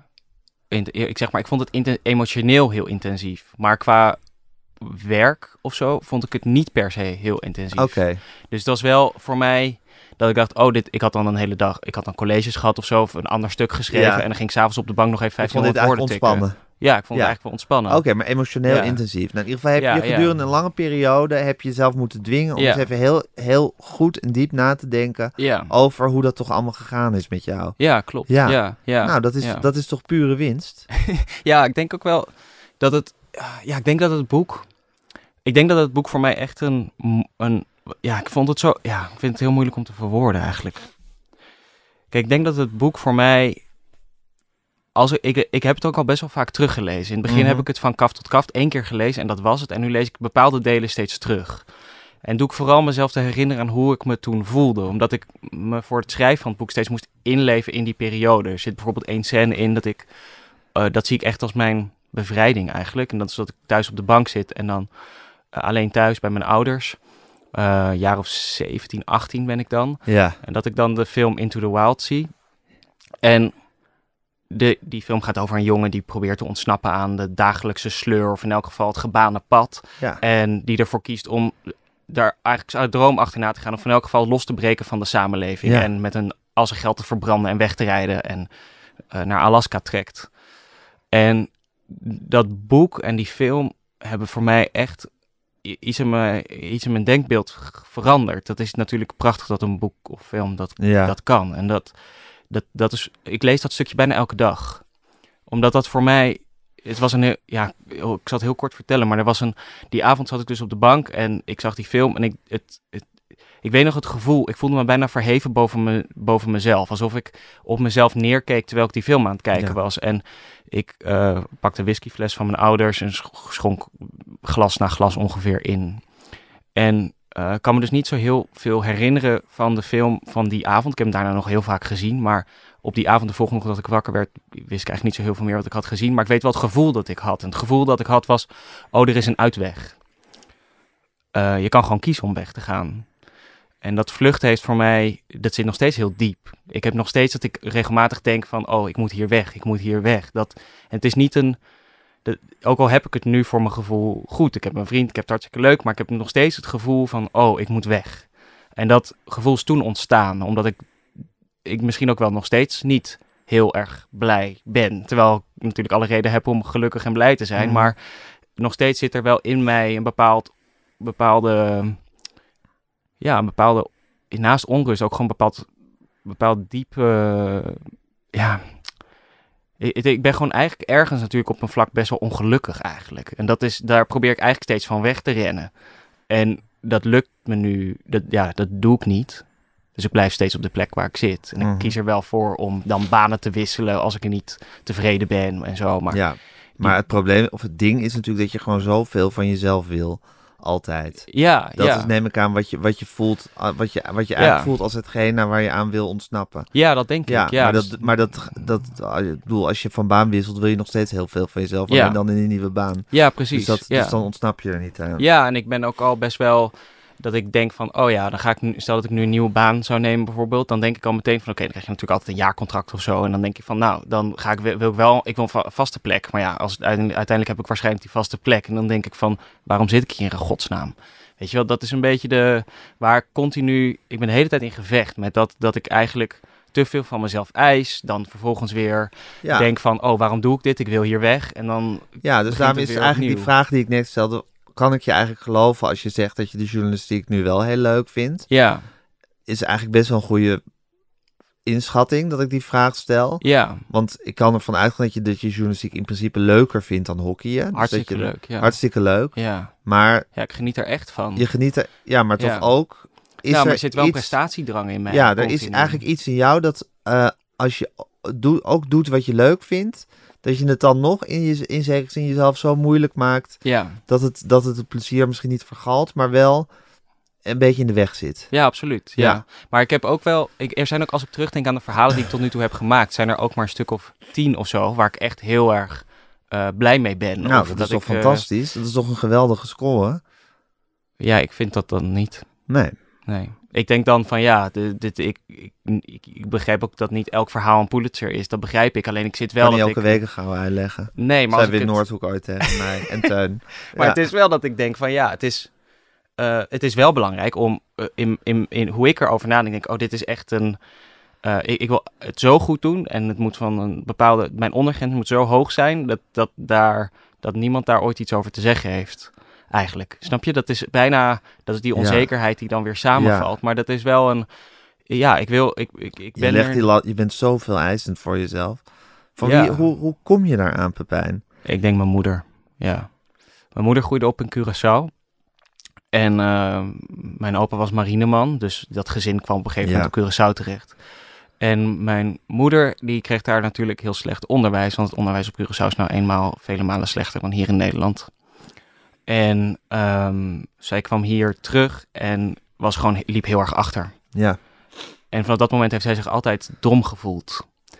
Of niet goed genoeg. ja, En ehm, ik, heb haar, ik heb haar natuurlijk gezien toen ze, ze heeft de pabo gedaan. Toen stond ze voor de klas. En vanuit de, voor de klas werd ze eh, adjunct-directeur en daarna directeur en schoolbestuurder. En nu Ze vervolgens... heeft zichzelf omhoog gewerkt. Ja, nu Ja. is ze in de directie van het Media College in Amsterdam. En eh, daarbij, en ze heeft altijd, ze heeft heel erg last van migraine bijvoorbeeld. En dan Ja. kotste ze ochtends nog of s'nachts nog in, in het toilet. En dan vervolgens, de volgende dag ging ze gewoon naar werk. Ja. Dus ik denk dat dat, dat streberige, dat komt volledig bij haar vandaan. Neem je daarom ook altijd twee paracetamol? Ja, ik denk het wel. Want zij Een soort zei, hoofdpijnangst. ja, ja, maar ook omdat ze, eh, bij ons waren, er, liggen, nou, bij mijn ouders liggen denk ik duizend paracetamol op voorraad. Dus het is, was altijd als ik, als je al maar een beetje hoofdpijn had, Ja, of een beetje, dan zei mijn moeder paracetamol erin. Ja. Niet één, altijd twee, want één werkt niet. Nee, Dus eh, dan, dan zaten we, dan, ik ben gewoon vanaf kleins af aan gewoon opgevoed met, met, twee twee paracetamol. paracetamol erin en dan is, gaat het goed. Ja, Eh, en dan heb ik nog een soort van in mijn hoofd bedacht dat dan je bloed dunner wordt eh, en dat je dan het bloed dus sneller door je, oh door je hoofd... Ja, dat zie ik dan voor me. Dat dan mijn bloed sne- sneller door mijn hoofd heen gaat en Dus ik dus sneller, kan, sneller kan denken. denken. Ja, dus Ja. zo denk ik er dan bijna over Er na. zijn allerlei neurotische gedachten nog bij ontwikkeld ook. Ja, ja, Ja. Dus ik, die, dat, het is een soort wondermiddel. Ja. Ja. dus dan denk ik van, van, oh ja, dat is... Ja, maar mijn moeder Ja, was dus dat heb je zelf ingeprent dat je dat nodig hebt om, eh, Ja. om goed te kunnen presteren. Ja. En je moeder was dus inderdaad, die heeft zich vanuit een moeilijke positie, heeft ze zich omhoog moeten knokken. Dus er moet er in haar ook een diepe ambitie, gewoon, een, gewoon een het ambitiegen moet erin zitten. Ja, en ik denk bij mijn vader, die heeft zich misschien, ja, die, heeft, die eh, was marechaussee-man en die werkt nu eh, bij de KLM, maar die is, ehm, eh, die was op een blauwe maandag heeft hij bij AZ gezeten en daar de top nooit gehaald, omdat Nee. hij geblesseerd raakte. Ja, Ja, als keeper. maar die Ja. heeft mij wel, ik heb laatst, ben ik begonnen aan een verhaal, ik weet nog niet voor waar, maar om met hem terug te gaan naar Den Helder, om, want daar is hij opgegroeid, om het te hebben over zijn jeugd, maar ook over hoe dat dan vervolgens op mij invloed heeft gehad op En wat voor een gezin in Den Helder is hij opgegroeid? Ehm, vader die was automonteur. Eh, een moeder, weet ik eigenlijk niet zo goed wat ze deed. Oké. Eh, maar Den Helder is natuurlijk ook een wonderlijk oord, hè? Nou ja, als je daar binnen Om dan word je al groeien. compleet ongelukkig Ja. natuurlijk. Ja, het is een Ehm, rare uithoek. Ja, het is Ja. echt, of je bent daar, of je werkt met je handen, of je zit bij de marine. Ja. Dat is een beetje de, het is echt heel, ja, ik bedoel, als je daar binnen rijdt, dan, dan, dan, je kan daar, ik geloof gewoon niet dat mensen daar gelukkig kunnen Nou, zijn misschien bijna. zijn ze er wel, maar het is wel, het is wel, een, het is wel een apart stukje Nederland, Den Helder. Ja, absoluut. Terwijl Ja. ik wel op het moment dat ik dus de marineboten zie liggen, dan voel ik wel in mezelf een soort van drang om weg te gaan, om op zee te stappen. Ja. Ik heb ook ooit gesolliciteerd bij de marine. Echt waar? Ja, omdat ik dacht van, toen zat ik nog in de kast, maar toen dacht ik van ja, ik, ik- een vriend van mij die ging eh, naar de marine, die had zich opgegeven om straaljagerpiloot te worden, die is uiteindelijk marinier geworden. Maar mijn, mijn familie zijn grotendeels allemaal marinemensen, dus ik Ja. dacht nou, ik wil ook marineman worden, ik wil die traditie voortzetten.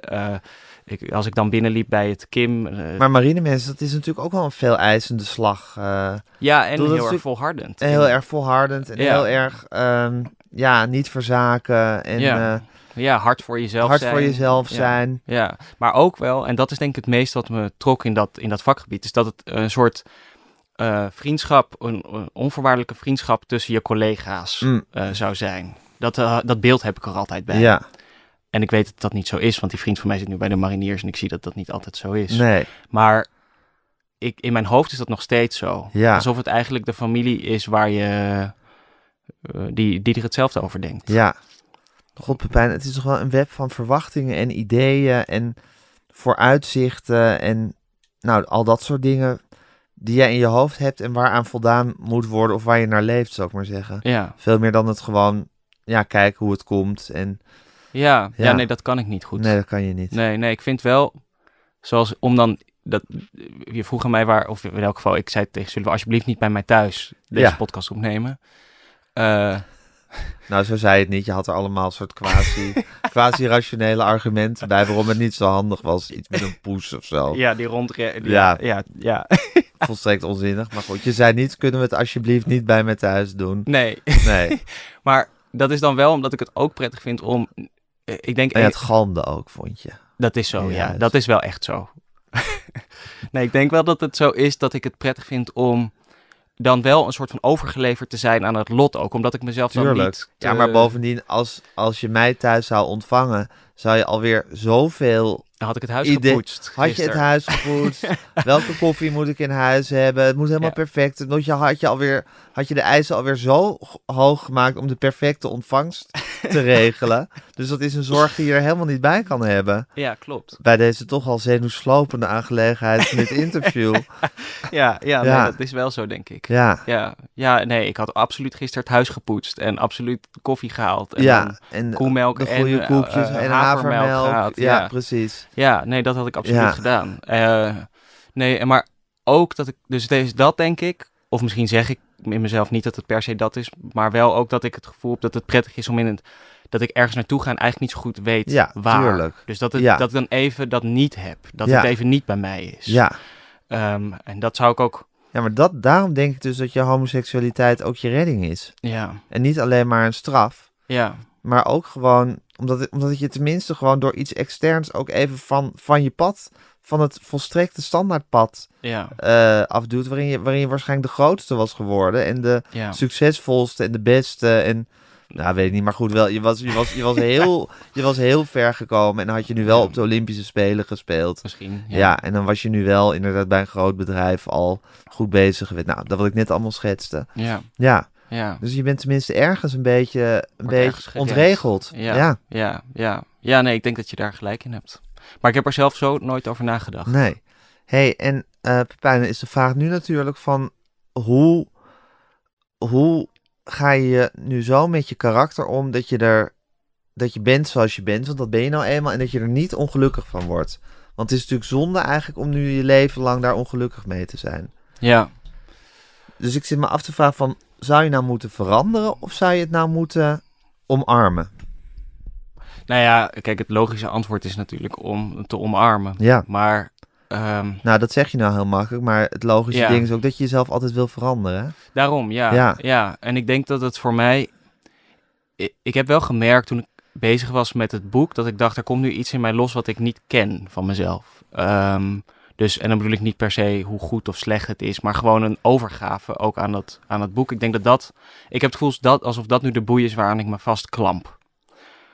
Omdat ik dan het wel, dan kan ik me tot op, tot op zekere hoogte wel accepteren van wat ik, wat ik opschrijf en wat ik denk. En, maar ja, ik denk dat mijn vriend heeft een moeilijke tijd ook met mij, denk ik. Omdat hij heel veel moet incasseren. Maar het is van ook een hele leuke eh, tijd met jou. ja, maar het is elke dag kan ik er ergens. Ik denk niet elke dag ergens. Ja, nou misschien wel. Ik denk gewoon altijd erg. De ene dag denk ik zus en de andere dag denk Ja, ik zo. Ik ben heel. heel aantrekkelijk dat, van ja, dat zou kunnen. Ja, Ja, ik ik heb zal toch niet voor niks jouw vriend zijn? Nou, ik denk soms wel dat hij een beetje medel, dat hij, dat hij, ik heb soms een beetje medelijden. En mijn ouders zeggen ook vaak tegen hem van, oh, je bent, eh, je hebt het wel te verduren met, met, met, die, met mij dus. ja, maar hij heeft toch ook een superleuke, ambitieuze, eh, knappe, Ja. lieve... Ja, eh, moeilijk om dat ook te zien, denk ik, voor mij. ja, Ja, ik denk dat dat acceptatie. Ik heb wel, toen ik met mijn boek bezig was, heb ik op een gegeven moment ben ik naar de huisarts gegaan om een verwijzing te halen naar een psycholoog weer. Ja, En die ligt tot op de dag van vandaag op mijn nachtkastje. ja, Ehm, en ik denk, elke dag als ik opsta, ligt er dus ook expres, omdat ik dan elke dag aan denk, van zal ik bellen om Oh, een ja. afspraak te maken. zodat je jezelf er elke dag mee kan kwellen. Ja, ja, ja, ja, ja, eigenlijk Ja, want wel. je doet het dus niet, maar je gaat jezelf dan wel elke dag Ja, eh, eigenlijk via het briefje verwijten dat je het niet doet. ja, dat zie je wel Ja. goed, denk ik. Ja. ja, ik leg het wel naast mijn bed, omdat ik denk, dit moet nog. Ja, precies. En dan, En je doet het niet, dus er is iets in je waarom je het niet doet. ja, Maar dan wil je jezelf wel elke dag laten weten van, maar je doet het dus niet. ja, Ja, ja, ja, nee, zo is het. ja, Ja, en dat is dus wel een. eh, dat, dus ik zal uiteindelijk. Ik denk uiteindelijk dat ik geen afspraak maak. Ehm, omdat ik. ja die- misschien voel je dat, het, dat je het niet bij een psycholoog moet halen. Nee, nee, nee. Nee, dat, dat zou kunnen. Maar het is wel dat ik.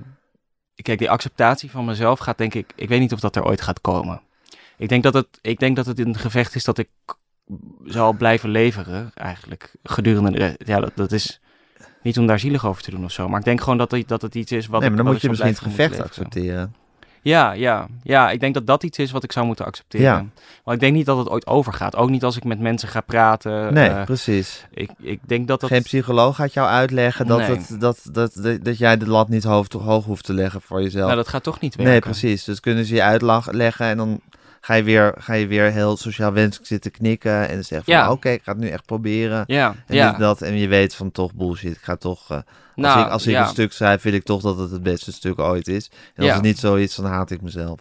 Ja, Ja, klopt. Ja. Dus dat heeft, dat is denk ik de, ja, dat, dat zal altijd in mijn leven blijven, denk ik. En het is ook, zoals nu met het boek, dat is gewoon e- ook dat ik dan denk, ja, ik vind het heel fijn dat, dat, er, dat er dan aandacht voor is. En tegelijkertijd denk, zit ik, weet ik dat ik aanstaande woensdag, als de bestsellerlijst opnieuw eh, online komt, dat ik aan, aan het F5 ben totdat, totdat ik weet of ik erin sta of niet. ja, En dat is dus de erkenning waar ik continu op een bepaalde manier naar op zoek ben. ja, En dat is wel hoe ik. Ik vind dat heel erg moeilijk. Dat ik dat, ik dat belangrijk vind. Dat ik daar. Dat ik daarmee bezig ben. Dat vind ik echt. Dat, dat ik daar. De, en dat is dat gevecht wat ik moet leren accepteren. Maar ik vind dat zo. ja. Het is echt een. een ja. Ik zou willen dat ik, dat ik opstond en er niet mee bezig was. Dat zou ik willen. Maar ja, het is. Dat, Ja, misschien zou je eens moeten willen opstaan met niet van alles willen. ja, bedoel, Dat is, dat is natuurlijk het probleem, dat je, gewoon, dat je gewoon zo steeds iets heel erg wil, ook al is het er niet. ja, Dus misschien moet je gewoon denken van, nou ja, ik ben nou eenmaal gewoon... Maar goed, dit is ook ouder worden, Pepijn. Je bent nog jong. Je kan je echt, kan je echt geruststellen, als je eenmaal 40 bent, dan, dan kijk je weer heel anders. ja, Nou, dan ben je nog hetzelfde, maar dan kijk je daar anders tegenaan. ja. Want dan denk je ook wel, ja, zo ben ik nou eenmaal. ja maar ik voel Als me ik- wel al 40. Dat is denk ik wel. Ja, maar dat ben je niet. Nee. Dat is het verschil. Ja. Dat beloof ik je, dat vo- je dat, dat niet voel bent. ik me dan 80 is de vraag. Het is wel, eh, ik voel me echt al oud. Dat, snap het, ik. een, ehm, Ik heb mezelf ook altijd oud gevoeld. Maar toch ben je toch gewoon puur door, door wat er, misschien ook hormonaal, maar ook door levenservaring in je, in je lichaam gebeurt, verander je gewoon als je ouder bent. Ja, En op een gegeven moment, nou goed, ik doe helemaal geen beloftes hoor. Misschien is het wel het is voor iedereen anders. misschien valt heel erg Maar kan me over op een gegeven moment ben je 40 en dan breng je een boek uit en denk je, oké, dan ga ik weer. Ik ga weer de hele tijd hysterisch op F5 drukken Ja, om te kijken. En dan, en dan komt het er toch niet in, want met boeken schrijven, het is net een loterij. ja, Eh, ja, dan komen er duizend per week uit. En het is volstrekt willekeurig welke ineens opgepikt wordt en welke niet. ja, Dus ja, die teleurstelling zit er dan op. Ben je ook al aan gewend dat die er zit ingebakken? Ja. Nou, en dan weet je, oké, dan ga ik dat doen. Zo ben ik nou eenmaal. ja, Ja. ja. En dat je daar dan vrede mee hebt. Of niet, maar dan heb, dan heb je er vrede mee dat je er geen vrede mee hebt. Ja. Snap je? Ik bedoel dat je eh, op een gegeven moment door, ga je het proces ook doorzien. Ja, En kan, kan je iets beter snappen van ja, dat is nou eenmaal waar ik steeds doorheen moet. ja, Ja, ja. Ja, ik, vind het, ik vind het maar moeilijk. snap ik. Ja. Het, is, het leven is ook niet makkelijk. Nee, nee, nee, nee. Het is, het is eh, een dagelijks gevecht. Het is een dagelijks gevecht. Ja, En eh, helemaal gelukkig is bijna niemand. Goed, je hebt natuurlijk wel gradaties. ja maar ik denk niet dat... Kijk, het is zo moeilijk omdat ik me... De, de, ik heb soms momenten... Zijn er momenten dat je wel gelukkig bent? Ja, ja, die zijn er zijn, dus welke wel. zijn dat? dat is net als ik, eh, ehm, eh, als ik aan zee ben, dat, zijn ik ga, ik, dat is mijn wekelijkse vlucht. Dat Ja. ik naar zee toe ga, eh, het liefst alleen Ja, eigenlijk. de zee heeft op heel veel mensen een heel kalmerende werking, hè? Ja, ja, dat helpt voor mij heel goed. Ehm, ik, ik moet sporten. Als ik niet sport, dan raak, loop ik helemaal vast. Ja. Dus ik, ik moet twee, drie, vier keer in de week wel iets doen. Niet in een sportschool, want dan is er weer Nee, dat er maar allemaal gewoon een beetje rennen of zo. Ja, rennen of fietsen of in de zomer Ja. zwemmen. Dat vind ik leuk. ja, Maar, of leuk, ik vind het heel vaak niet leuk, maar ik weet als ik het niet Ja. doe, dat ik totaal vastloop. ja. En ehm, op het moment dat ik naar goede muziek luister, op het moment dat ik naar, eh, dat ik in een concertzaal sta, het liefst een kleine, met een bandje dat nog niet zo heel veel mensen kennen, het liefst. Dat, je, dat, dat zijn wel de momenten, of nou, ik lees nu bijvoorbeeld het boek eh, Veranderen, Methode van Edouard Louis. Dan denk ik, oh ja, dat is echt hoe ik, dan, dan, dan, dan ben ik echt gelukkig als ik dat lees. ja. Eh, Of als ik die, of als ik Bon Iver, n- waarvan ik voorin in mijn boek ook een quote heb staan, dat uit, uit een liedje. En dat dan denk ik, ja, dat zijn wel echt de momenten dat ik het, dat ik voel dat het, dat het, dat, dat, dat, dat ik leef of zo. Ja, Dat je dus voelt dat en dat er, het goed is in elk geval. ja, dat het, dat, dat het enige is wat er op dat moment gebeurt. Maar dat is toch al... en dat is, Dat is eh, toch al van, net zoals ik toen net zei, dat, je, al- dat er al tien stukken zijn waar je echt tevreden over bent. Ja, Vind ik dit eigenlijk ook al een heel indrukwekkend lijstje. Met dingen die, ja, dat je denkt van oké, ik weet dat, dat, ik, dat, ik, dat ik gewoon, dat ik echt me prettig voel als ik in mijn eentje naar de zee ga. Ja, Nou, en dan ga je eens in de week, doe je dus blijkbaar ook nog eens. Dus je hebt ook nog eens gewoon de, de, de discipline En de kracht om, je, om jezelf eens in de week in je eentje naar zee toe te brengen. En dan gewoon te, te wandelen of naar zee te kijken. Of bij Parnassia koffie te drinken. Ik weet niet wat je doet. Ja, dat. Ja. Nou, dus dat, dat, dat kan je jezelf al geven. Ja. En je weet dat je, je weet dat, dat dat moet. En dat, dan doe je dat ook. Ja. Nou, Ja. dat is toch al heel ver eigenlijk. Ja, ja voor, voor, ik denk, maar ik zie dat zelf dus niet zo. Dat is het, denk ik. Ja, Ja. Nee, maar dat, dat, dat is natuurlijk inderdaad de essentie. Dat wat je, wat je ook doet, Ja. ook het groeien, ook zelfs waar je gelukkig van wordt, ja. dat je daar nog niet, dat je daar nog niet tevreden over kan zijn. Nee, nee, ik ja, kan er zit niet een soort, er zit een soort, er zit een soort, soort, soort negatief filter over alles. Ja. Dat je denkt, maar het is toch niet goed genoeg. ja, of niet goed genoeg. Ik ben gewoon niet te... Of het is wel goed, op dat moment is het goed genoeg, maar het is niet genoeg. Snap je wat Ja. ik bedoel? Dus het is Zal niet... dat toch komen omdat je deep down het gevoel hebt dat je in het leven tekort schiet omdat je niet heteroseksueel bent? Ik denk wel dat het ermee te maken Zal het heeft, toch, ja. zal het toch zijn dat, ja, wat, wat ik ook doe, ik ben toch niet gewoon de standaard die, die ik moet Ja. zijn, het standaard model. Ja, er, ik denk dat het er wel mee te maken heeft. Dat, er is zo'n boek over geschreven door een eh, psychoanalyticus, geloof ik. Ja. Ik weet niet hoe die heet, ben ik even kwijt. Maar The Velvet Rage heet het boek. Ja, En dat gaat heel erg over dat homo's dus de hele, hun hele leven lang aan het compenseren zijn. ja, En toen ik dat eh, voor, hun hetero, voor hun ja. homoseksualiteit. Dat is een heel belangrijk boek voor heel veel mensen, hè? Ja, en Ja. voor mij, ik vond het een verschrikkelijk slecht boek. Oké. Maar de boodschap die erin Ja. naar voren komt, is wel, ik herkende wel mezelf. Ja, Dat ik dacht van, oh ja, het is dus nooit genoeg. En we Nee. doen, ik doe dus, eh, ik, ik ga kunst kopen of zo. Weet je wel, van, Ja. de, van, van mijn spaargeld. Omdat ik het belangrijk vind dat als iemand bij mij thuis komt, dat hij dan denkt, oh, het gaat goed met Pepijn. Weet je wel, zo'n... Dus ik probeer het wel met een bepaalde... Het is wel gewoon opsmuk allemaal. Je probeert wel het een soort van beter te laten lijken of zijn dan het misschien is, omdat je homo bent. ja. En ik denk dat dat. Het is, ik vind het dus eigenlijk te makkelijk om dat te zeggen. Dus dat, Ja. dat, dat, is, dan de, dat is dan de andere kant in me. Ja. Die dan zegt van dat is te makkelijk om te zeggen Ja. dat dat komt omdat je homo Ja. bent. Eh, maar ik denk wel dat het met elkaar te maken heeft. ja. Eh, dat, het, dat ik dus. Dat, dat ik wil laten zien dat het wel goed is. Of Ja. zo. De eerste reactie van mijn eh, opa, met wie ik een hele goede band heb, Ja. die, de marineman. Toen ik uit de kast kwam, was dat hij zei: eh, Ik vind het helemaal niet erg. Maar ik vind het erg voor, dat je niet de wereld kan beleven zoals ik. En dat is. Dat, nee, maar wat hij daarmee bedoelde, Ja, is dat hij. Dat, dat je, je, er zijn nou eenmaal, we- weet ik veel, hoeveel landen waar je niet naartoe zou kunnen. Er zijn. Eh, je kan op, op straat niet hand in Ja. hand lopen met je vriend. Het is niet.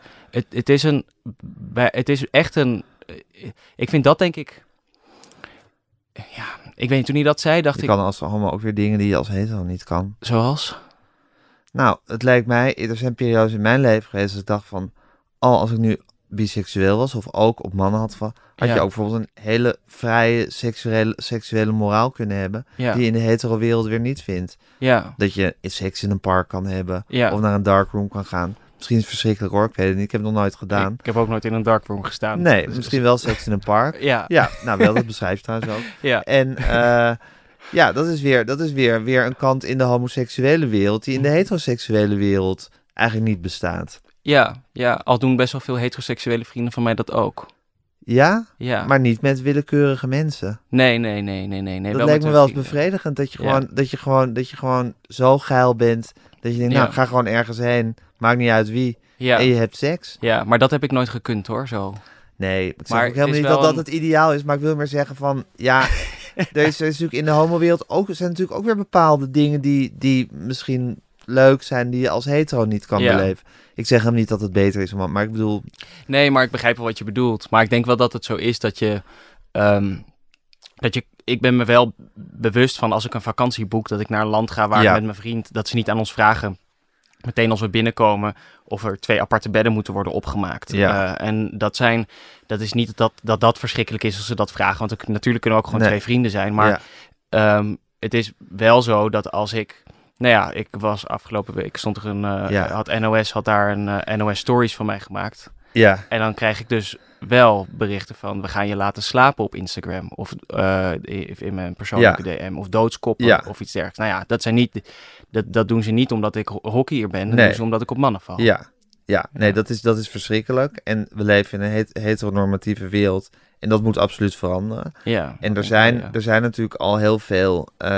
Er is natuurlijk wel ook inderdaad, volgens mij, laten we zeggen, op de middelbare scholen een soort begin van een revolutie gaande. Ja. Dat er echt anders tegen aangekeken wordt. ja. En het zou natuurlijk nu, het zou natuurlijk echt heel goed zijn als er nu een 17-jarige topvoetballer of hockeyer of weet ik veel wat opstond.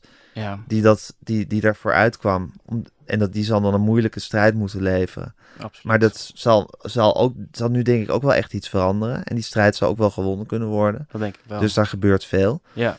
Ehm, maar, er moet, maar er moet ook nog heel erg veel gebeuren. Dus dat is allemaal waar. En in de hele wereld ook. En da- daar moeten we de hele Arabische wereld nog gaan veranderen. Ja. En elke andere, alle andere continenten. En Amerikanen, nou, weet ik veel. Ja. Maar los van dat alles is er natuurlijk ook vooral iets in jouw hoofd. in jouw microwereld. Ja. Waarin dat filter. waarin dat filter veranderd moet worden. Ja. Dat filter van. En eigenlijk, wat ik ook doe, ben ik toch mislukt. Ja. Of is het toch niet goed? Ja. Ja, Ja. ja, Ja. Moeilijk. moeilijk. Ja. Ja, Ja, ja, ik vind het heel. eh, ja, de, de, de, wat, wat ik, toen, ik, toen ik erachter kwam dat ik op mannen eh, val viel, dat ik homo ben, ja, was de eerste gedachte die ik had: oh, wat zullen mijn ouders balen dat ze geen kleinkinderen krijgen? ja, En dat, dit, dat is natuurlijk niet zo zwart-wit, want je kan als homo ook zeker. kinderen krijgen, maar Ja. het is wel een stuk moeilijker. Ja. En dat is wel.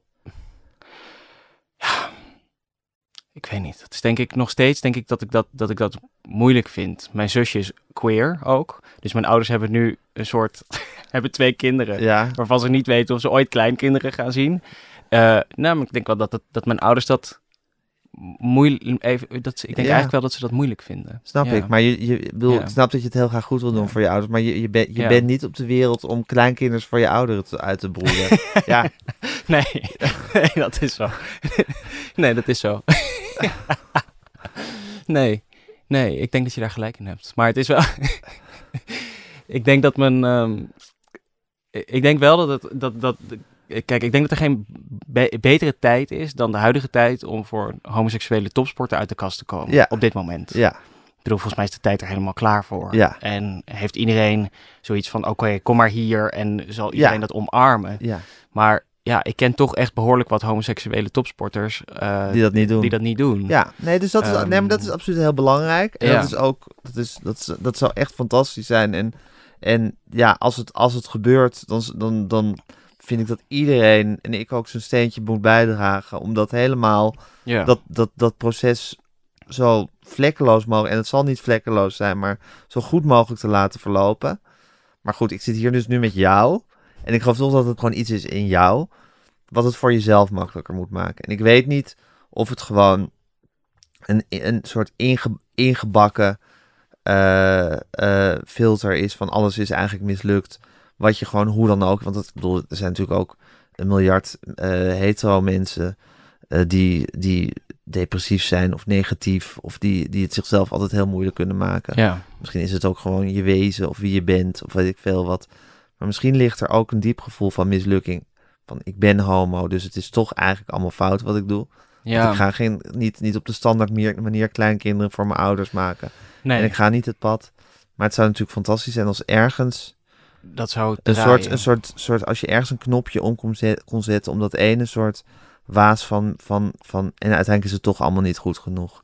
Ja, maar ik denk dat dat... Ik, ik vind het wel moeilijk om dat totaal op te hangen aan mijn homoseksualiteit. Ik Ja, denk dat dat... Ik denk dat dat ook eh, niet terecht is. Nee, ik denk Nee. dat dat niet, dat dat niet klopt. Nee. Ik denk dat het wel zo is dat ik dat gewoon heb meegekregen dus Ja. van mijn moeder. En dat, Ja, ik, dus precies. dat het nooit goed genoeg is. Ja, En eh, mijn vader, die, waarvan zijn ouders nooit zeiden dat ze trots op hem waren. En dat mijn moeder dat nooit heeft gehoord totdat Ja. ze een keer eh, eh, in een talkshow terecht kwam. En dat haar ouders toen zeiden, we zijn nu we zijn trots nu op je. trots op je. Ja, en dat je dan dus die lat zo hoog al Ja. ligt in die familie, dat ik, dat mijn ouders die lat eigenlijk ook steeds onbewust hoor, hebben neergelegd. Ja, Eh, door steeds als ik, als wij goud wonnen op, op een EK, dat ze dan tegen me zeiden van, nou, je- dit, we zijn trots op je. En dan Ja. dacht ik, oké, ik moet dus minimaal Europees kampioen worden ja, om dat te horen. ja.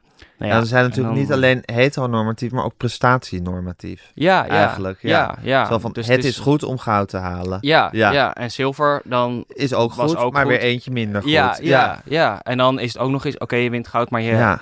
Hebt wel dit en dit gedaan, waardoor het nog spannend werd. Omdat Ja. niet, dat, je, ja, dat Ja. je gewoon niet goed genoeg hebt gespeeld, bijvoorbeeld. Ja, dus het is wel, het is voor mij denk ik wel continu een Ja, strijd. Alles in het leven en ook in de sport is natuurlijk uiteindelijk een gevecht met jezelf. Ja, ja. Maar ik merk wel dat het, ook als we zo erover praten, dan merk ik ook wel dat ik het bijna moeilijk vind om er geheel bij te komen. Wat dan de, wat dan de, waar, waar, waar het, Kwam je er maar ooit bij, Pepijn? Ja. Ja. Nou ja, het liefst wel natuurlijk. Voor mij, ja, dat, Ja. Ik, ik, dat is wel iets waar ik naar, ik denk wel dat ik daar naar op zoek ben. Tuurlijk. Nee, dat is ook wat je je hele leven doet, daarnaar op zoek zijn. Maar je komt, Ja. je komt natuurlijk nooit tot de kern. Nee, Nee, je komt nooit echt tot, ja, net zoals dat je, dat je, dat je, dat je, dat je, dat je bij bepaalde muziek denkt, waarom is het nou zo goed? Waarom ben, kan ik hier altijd naar luisteren? ja. Waarom kan ik altijd naar de Beatles luisteren en Ja. het altijd fantastisch vinden of naar Harry Banning? En ja, Maar daar heb je ook geen antwoord op. nee, dat weet je uiteindelijk Nee. niet. Nee. Nee. Net zoals dat je niet weet waarom je, zelf, waarom je het jezelf zo moeilijk maakt of waarom je gelukkig wordt als je naar de zee kijkt. Of, Ja. ja, Nou, ik denk wel dat ik het gevoel heb dat ik, ik, toen ik het boek aan het schrijven was, dat ik op een gegeven moment steeds meer het gevoel had, oh, wat ben ik een moeilijk persoon. Dat, dat gevoel, dat, dat kreeg ik heel erg tijdens het schrijven van het boek. ja, Omdat je dus de hele tijd in die zelfanalyse zit, Ja. waar ik dus helemaal niet... Ja, ik had wel nagedacht over wat ik, Ja. wat, wat ik, wie, Ja. ik, wie ik ben en wat ik belangrijk vind, maar ik, je, leef, je leeft je leven ook grotendeels door de automatische piloot. Dus het is wel dat je, dat, dat ik toen ik echt het, mezelf ging inleven in het verleden en daar continu dan nieuwe scènes over ging Mhm. opschrijven, dat ik wel steeds dacht, wow, eh, ik ben echt zo moeilijk. Gewoon niet alleen ja, en dat niet alleen voor, vooral voor mijn omgeving, denk ik. Ja, uiteindelijk ook voor mezelf, maar vooral ook voor mijn omgeving. Dus dat, dat ik dat dacht van, oh ja, wat heb wat, wat, ja, maar goed, je wil alles voor je omgeving, eh Pepijn. ja, Je klopt. wil, je wil het goed doen voor je ouders. Je Ja, wil de, beste vriend zijn voor je vriend. eh, ja, weet ik veel. Ik bedoel, dat is ook weer iets wat je zelf de hele tijd zegt. Dat je moeilijk bent voor je omgeving. ja, Terwijl je omgeving misschien zal denken, nou ja, het is gewoon Pepijn. ja, Ik ken hem nou toch wel. De ene dag vindt hij dit en de andere dag vindt hij dat. Maar goed, ja, hou toch van hem. ja, ja. Ja, ik ga proberen het iets, iets, iets voortaan ietsjes luchtiger te zien. Maar ja, nou ja of of doorzie, doorzie het proces in elk geval. Ja, Denk van, oké, zo ben ik. Ik zit nu de hele tijd te projecteren dat ik zo moeilijk ben voor mijn omgeving. ja, Maar het moeilijkste is vooral dat ik de hele tijd tegen mezelf zeg dat het net zoals dat briefje voor die psycholoog. ja, Ik bedoel, het, het, het kwellen ervan is dat je het er elke dag laat liggen, zodat je je elke dag kwelt. ja. Ja, Ja, ja, zo, zo, zo Ja. zit ik helaas in elkaar. ja, maar ja, Ja. zo zit je, daardoor, daardoor presteer je ook heel veel. Daarom heb je nu ook op je 26 al een boek geschreven. Ja, En een, en een topsportcarrière achter de rug. En, een, en, en heb je in de journalistiek al een beetje je sporen verdiend. ja. Ja, bedoel, je wordt, bent er ook geen nit, niks nut door. Nee, dat is zo. Ja. Nee, dat, daar ben ik me ook wel enigszins van bewust, Ja. denk ik. Maar het is niet... het is een, wat het eh, is, Pepijn. Ja, We moeten roeien met de riemen die we hebben. ja. Allemaal. helaas. Nou, en gelukkig. En gelukkig Ja. misschien ook. Ja, En daardoor heeft het leven je ook nog eens een leuke poets gebakken door je homo te maken. ja, moet je daar weer mee dealen. ja, Ja, ja, Ja. moet je dat probleem oplossen? Ja, ja. Ja. een verschrikkelijk moeilijk probleem. Maar wel een probleem Nee hoor, waar... heel leuk. Je hebt toch een leuke vriend? Ja. Ik heb hartstikke leuke vriend. Ja, en je hebt allemaal, allemaal, allemaal, je beschrijft allemaal soort, ook een soort, soort erotische scènes in dat boek. Ja, Ik dacht, Jezus Christus, je was op zich ook wel weer redelijk vroeg erbij met leuke dingen meemaken. ja. Ja, Jij was later. nou, niet vroeger, laat ik het zo zeggen. Ja, ja, ja. ja. Ja, maar ik denk dat die erotische scènes, die, die spelen zich natuurlijk vooral af in hotelkamers eh, als wij op toernooi zijn met het hockeyteam. En ja, ik denk dat het in elke sport, eerlijk gezegd, dat dit plaatsvindt. Omdat je dan gewoon twee weken lang wordt opgesloten Vast. met je maar teamgenootjes. dat is toch ook leuk? Ja, ik vond het. Ja, bedoel, ja. Ik, ik, ik, ik bedoel, ach, ja, maar ik heb er natuurlijk een heel andere beleving bij gehad, denk ik, dan zij. Dus dat is wel... weet je een- niet. Want zij waren ja. misschien biseksueel of bedoel ze nou, ik weet dat er één jongen nog steeds in de kast zit, maar de rest Ja. is, heeft allemaal vriendinnen in elk geval. Ja, maar er Dus zijn natuurlijk zijn- ook heel veel mensen die het ook leuk vinden om met een jongen een beetje Ja. iets te doen. Ja, iedereen zit dan in zijn seksuele ontdekkingsreis. Maar het is wel een. Ja, die. die ik vind het ook gewoon dat er zo weinig zicht op was. Of dat er dat in die periode. Ik bedoel, ik, niet dat ik het erg vind dat het is gebeurd, hè, al, die, al die tijd op die, op die hotelkamers. Maar het is wel dat ik dacht, ja, je stopt wel allemaal jongens bij elkaar waar de hormonen door het lijf gieren. En waarvan je niet weet wat, die op hotelkamers, wat er op die hotelkamers gebeurt. Of in elk Ja. geval, ja, ik bedoel, misschien hoeft een bondscoach dat ook niet te weten. Is dat er? Ja. Ja, ik weet niet. Ik zou, niet dat het niet mag gebeuren, dat is het niet. Maar ik had wel zoiets van, ja, eh, er gebeuren wel... Ik vond, ik vond dat dat... ah, Ik dacht wel toen, weet ik nog, als dit topsport is, dan weet ik niet of ik topsport wil ook. Nee, je omdat wil ook dus helemaal geen topsport. Nee, maar topsport is gewoon zo... Kijk, je bent, je bent zelf al... Je legt die lat al zo hoog voor jezelf. En bovendien gaat het jou niet om winnen of verliezen. Je houdt gewoon niet van dat...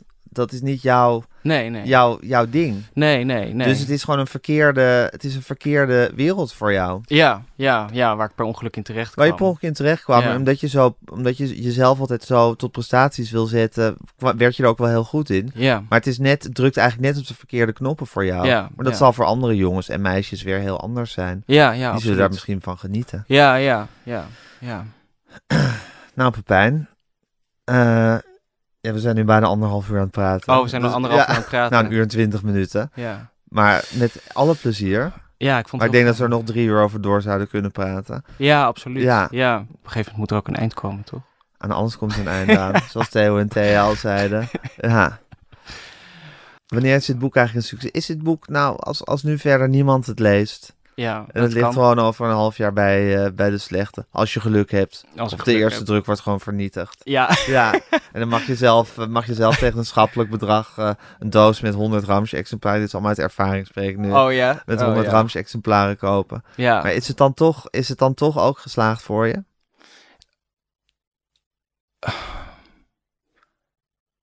Ik denk... Ik wil zeggen van wel, maar ik denk het niet. Ja, Oké. en misschien dat ik er over een jaar anders over denk. Ja, daar ben ik dan nieuwsgierig naar. Ja. Twee, twee, over drie jaar. Dat Over vind, daar ben ik nieuwsgierig naar. Ja, nee, ja, ik denk... een jaar is nog te vers. Dan heb je nog de neder. En dan zouden... Dat misschien wordt het een gigantisch succes, dat weet je niet. Maar Nee, het wordt het niet. Nee, ik zou dat moeilijk vinden, denk Ja. ik. Ja, ja dat, dat gaat er denk ik nooit uit. Oké. Ja, Terwijl, je hebt, je hebt het geschreven. Ik bedoel, de prestatie is dat je het geschreven hebt. Hè? En dat het, dat het er is. En dat je, dat Ja. je met je eigen leven iets... eh, ja, maar je gaat ook niet naar de Olympische Spelen toe om dan als zesde naar huis te gaan. Nee, maar er zijn ook mensen die zeggen... Belang, meedoen is belangrijker dan winnen. Ja, onzin. Dat, dat is echt onzin. Ja. Ja, maar- je doet ja, mee maar- om te ja, maar- dat is de... ja, maar die- je, je, je hebt het hier nu toch ook over een soort kunstzinnige prestatie. Ja, maar dat, dat, is dus... die is toch, dat is toch nooit in... Dat, is toch, dat hoef je toch nooit te meten. Mm, Ja, ik denk dat Ik dit... bedoel, Bon Iver is toch niet minder dan, dan de Spice Girls... Nee, maar ik denk... hij minder platen heeft verkocht? Nee, dat is zo. Maar ik denk wel dat het voor mij. Ik denk, ik denk dus ook en ik hoop ergens dat, dat, dat dit de laatste afrekening gaat zijn met dat denkbeeld wat ik heb. Dus dat als het dus. Dat ik over een jaar, dat, ho- dat hoop ik oprecht. Dat ik over een jaar denk, oké, het heeft niet zoveel verkocht als ik had gehoopt bijvoorbeeld. Of- Ja. en dat ik dan toch kan terugdenken met, maar ik heb het wel heel, heel erg leuk gevonden om het te maken. En Ja. ik ben blij dat de mensen die het hebben gelezen Ja. iets aan hebben gehad. Ja, En dat dan, ik hoop dat dit het kantelpunt daarin wordt. oké. Maar dat, dat, dat, dat is wel... Nou, dat is dan spannend. Ja, dat vind ik ook spannend. Of dat lukt om, dat, om die slag te maken. Want het is zo'n andere... Dat is echt een heel ander... ander ja, is gewoon zo'n andere manier van denken. En er zijn ook kunstprojecten die ik wil maken waarbij ik denk... Ja, ik denk heel snel dan in die onmogelijkheid. Weet je wel? Zo van, oh ja, maar hoe ga ik dan de financiering regelen? Of hoe ga ik dan zorgen Mhm. dat het in het Vondelpark terecht kan komen? Want Mhm. ja, in een buit, buitenpark in Beeldhoven Dat boeit me niet. boeit me niet. Dus het is wel een, dat, dat is dan heel, Ja. dus het, het gaat erom dat het bestaat, maar het gaat er ook om dat het bestaan iets doet, iets teweeg brengt, Ja. dat het scheppen een effect heeft. En dat is dat, ik hoop dat, dat dit de een, voor eens en de laatste keer is dat ik dat gevoel heb. Ja. Ja, maar ja, dat is iets waar, eh, Het is jammer dat de luisteraars nu jouw getergde gezicht niet kunnen kijken. je kijkt nu zo onzeker uit je oogjes. ja, ja. Ja. ja, maar ik ben ook ontzettend onzeker daar hierover. Ja, weet ik, ja. maar het is zo vol soort, soort twijfel en een soort mismoedigheid. Je denkt van, ja, je, ziet, het- je ziet het al allemaal mislukken. En je ziet jezelf ook ernaar rijken. Ja, Ja. ja, ja, Ik, ik zie mezelf met uitgestoken hand en dan loop ik naar die boekhans, denk ik, oh, hier liggen er nog acht, denk ik dan. Of, oh, hier ligt niets, denk ik. Ja, Ja. eh, en dan dat is gewoon wel, ja, het is, ehm, maar het is juist denk ik heel, het, als ik de slag weet te maken. Dus tussen van dat het scheppen belangrijker wordt dan het succes van het scheppen. Dan wordt het denk ik al, als dat lukt, Dan ben je al een heel eind. dan ben ik al een heel eind, denk ik. Ja, Nou, Pepijn, je boek heet De Laatste Man. Ja. Dankjewel dat ik hier mocht zijn. Heel graag gedaan. Of heel graag gedaan. Jij bedankt dat je hier, eh, dat je hier wilde komen. En bedankt dat je het boek hebt geschreven. En eh, ik hoop dat je, dat je jezelf blijft. En er, gelukkig, en er gelukkig genoeg van wordt. Ja, ik hoop het ook, Gijs. Ja, Ja, blijf vechten. ja dat Ja. blijft nog wel een behoorlijke tijd, denk ik. Geef me een box. Dankjewel. Jij ook. Dit was Met Groenteman in de Kas met Pepijn Keppel. Uh, ik maak deze podcast samen met Daan Hofstee. U kunt zich abonneren op alle mogelijke manieren op deze podcast. U kunt ons een mailtje sturen, podcasts.volkskrant.nl. Geef ons lekker veel sterretjes en volg ons op Instagram, @metgroenteman.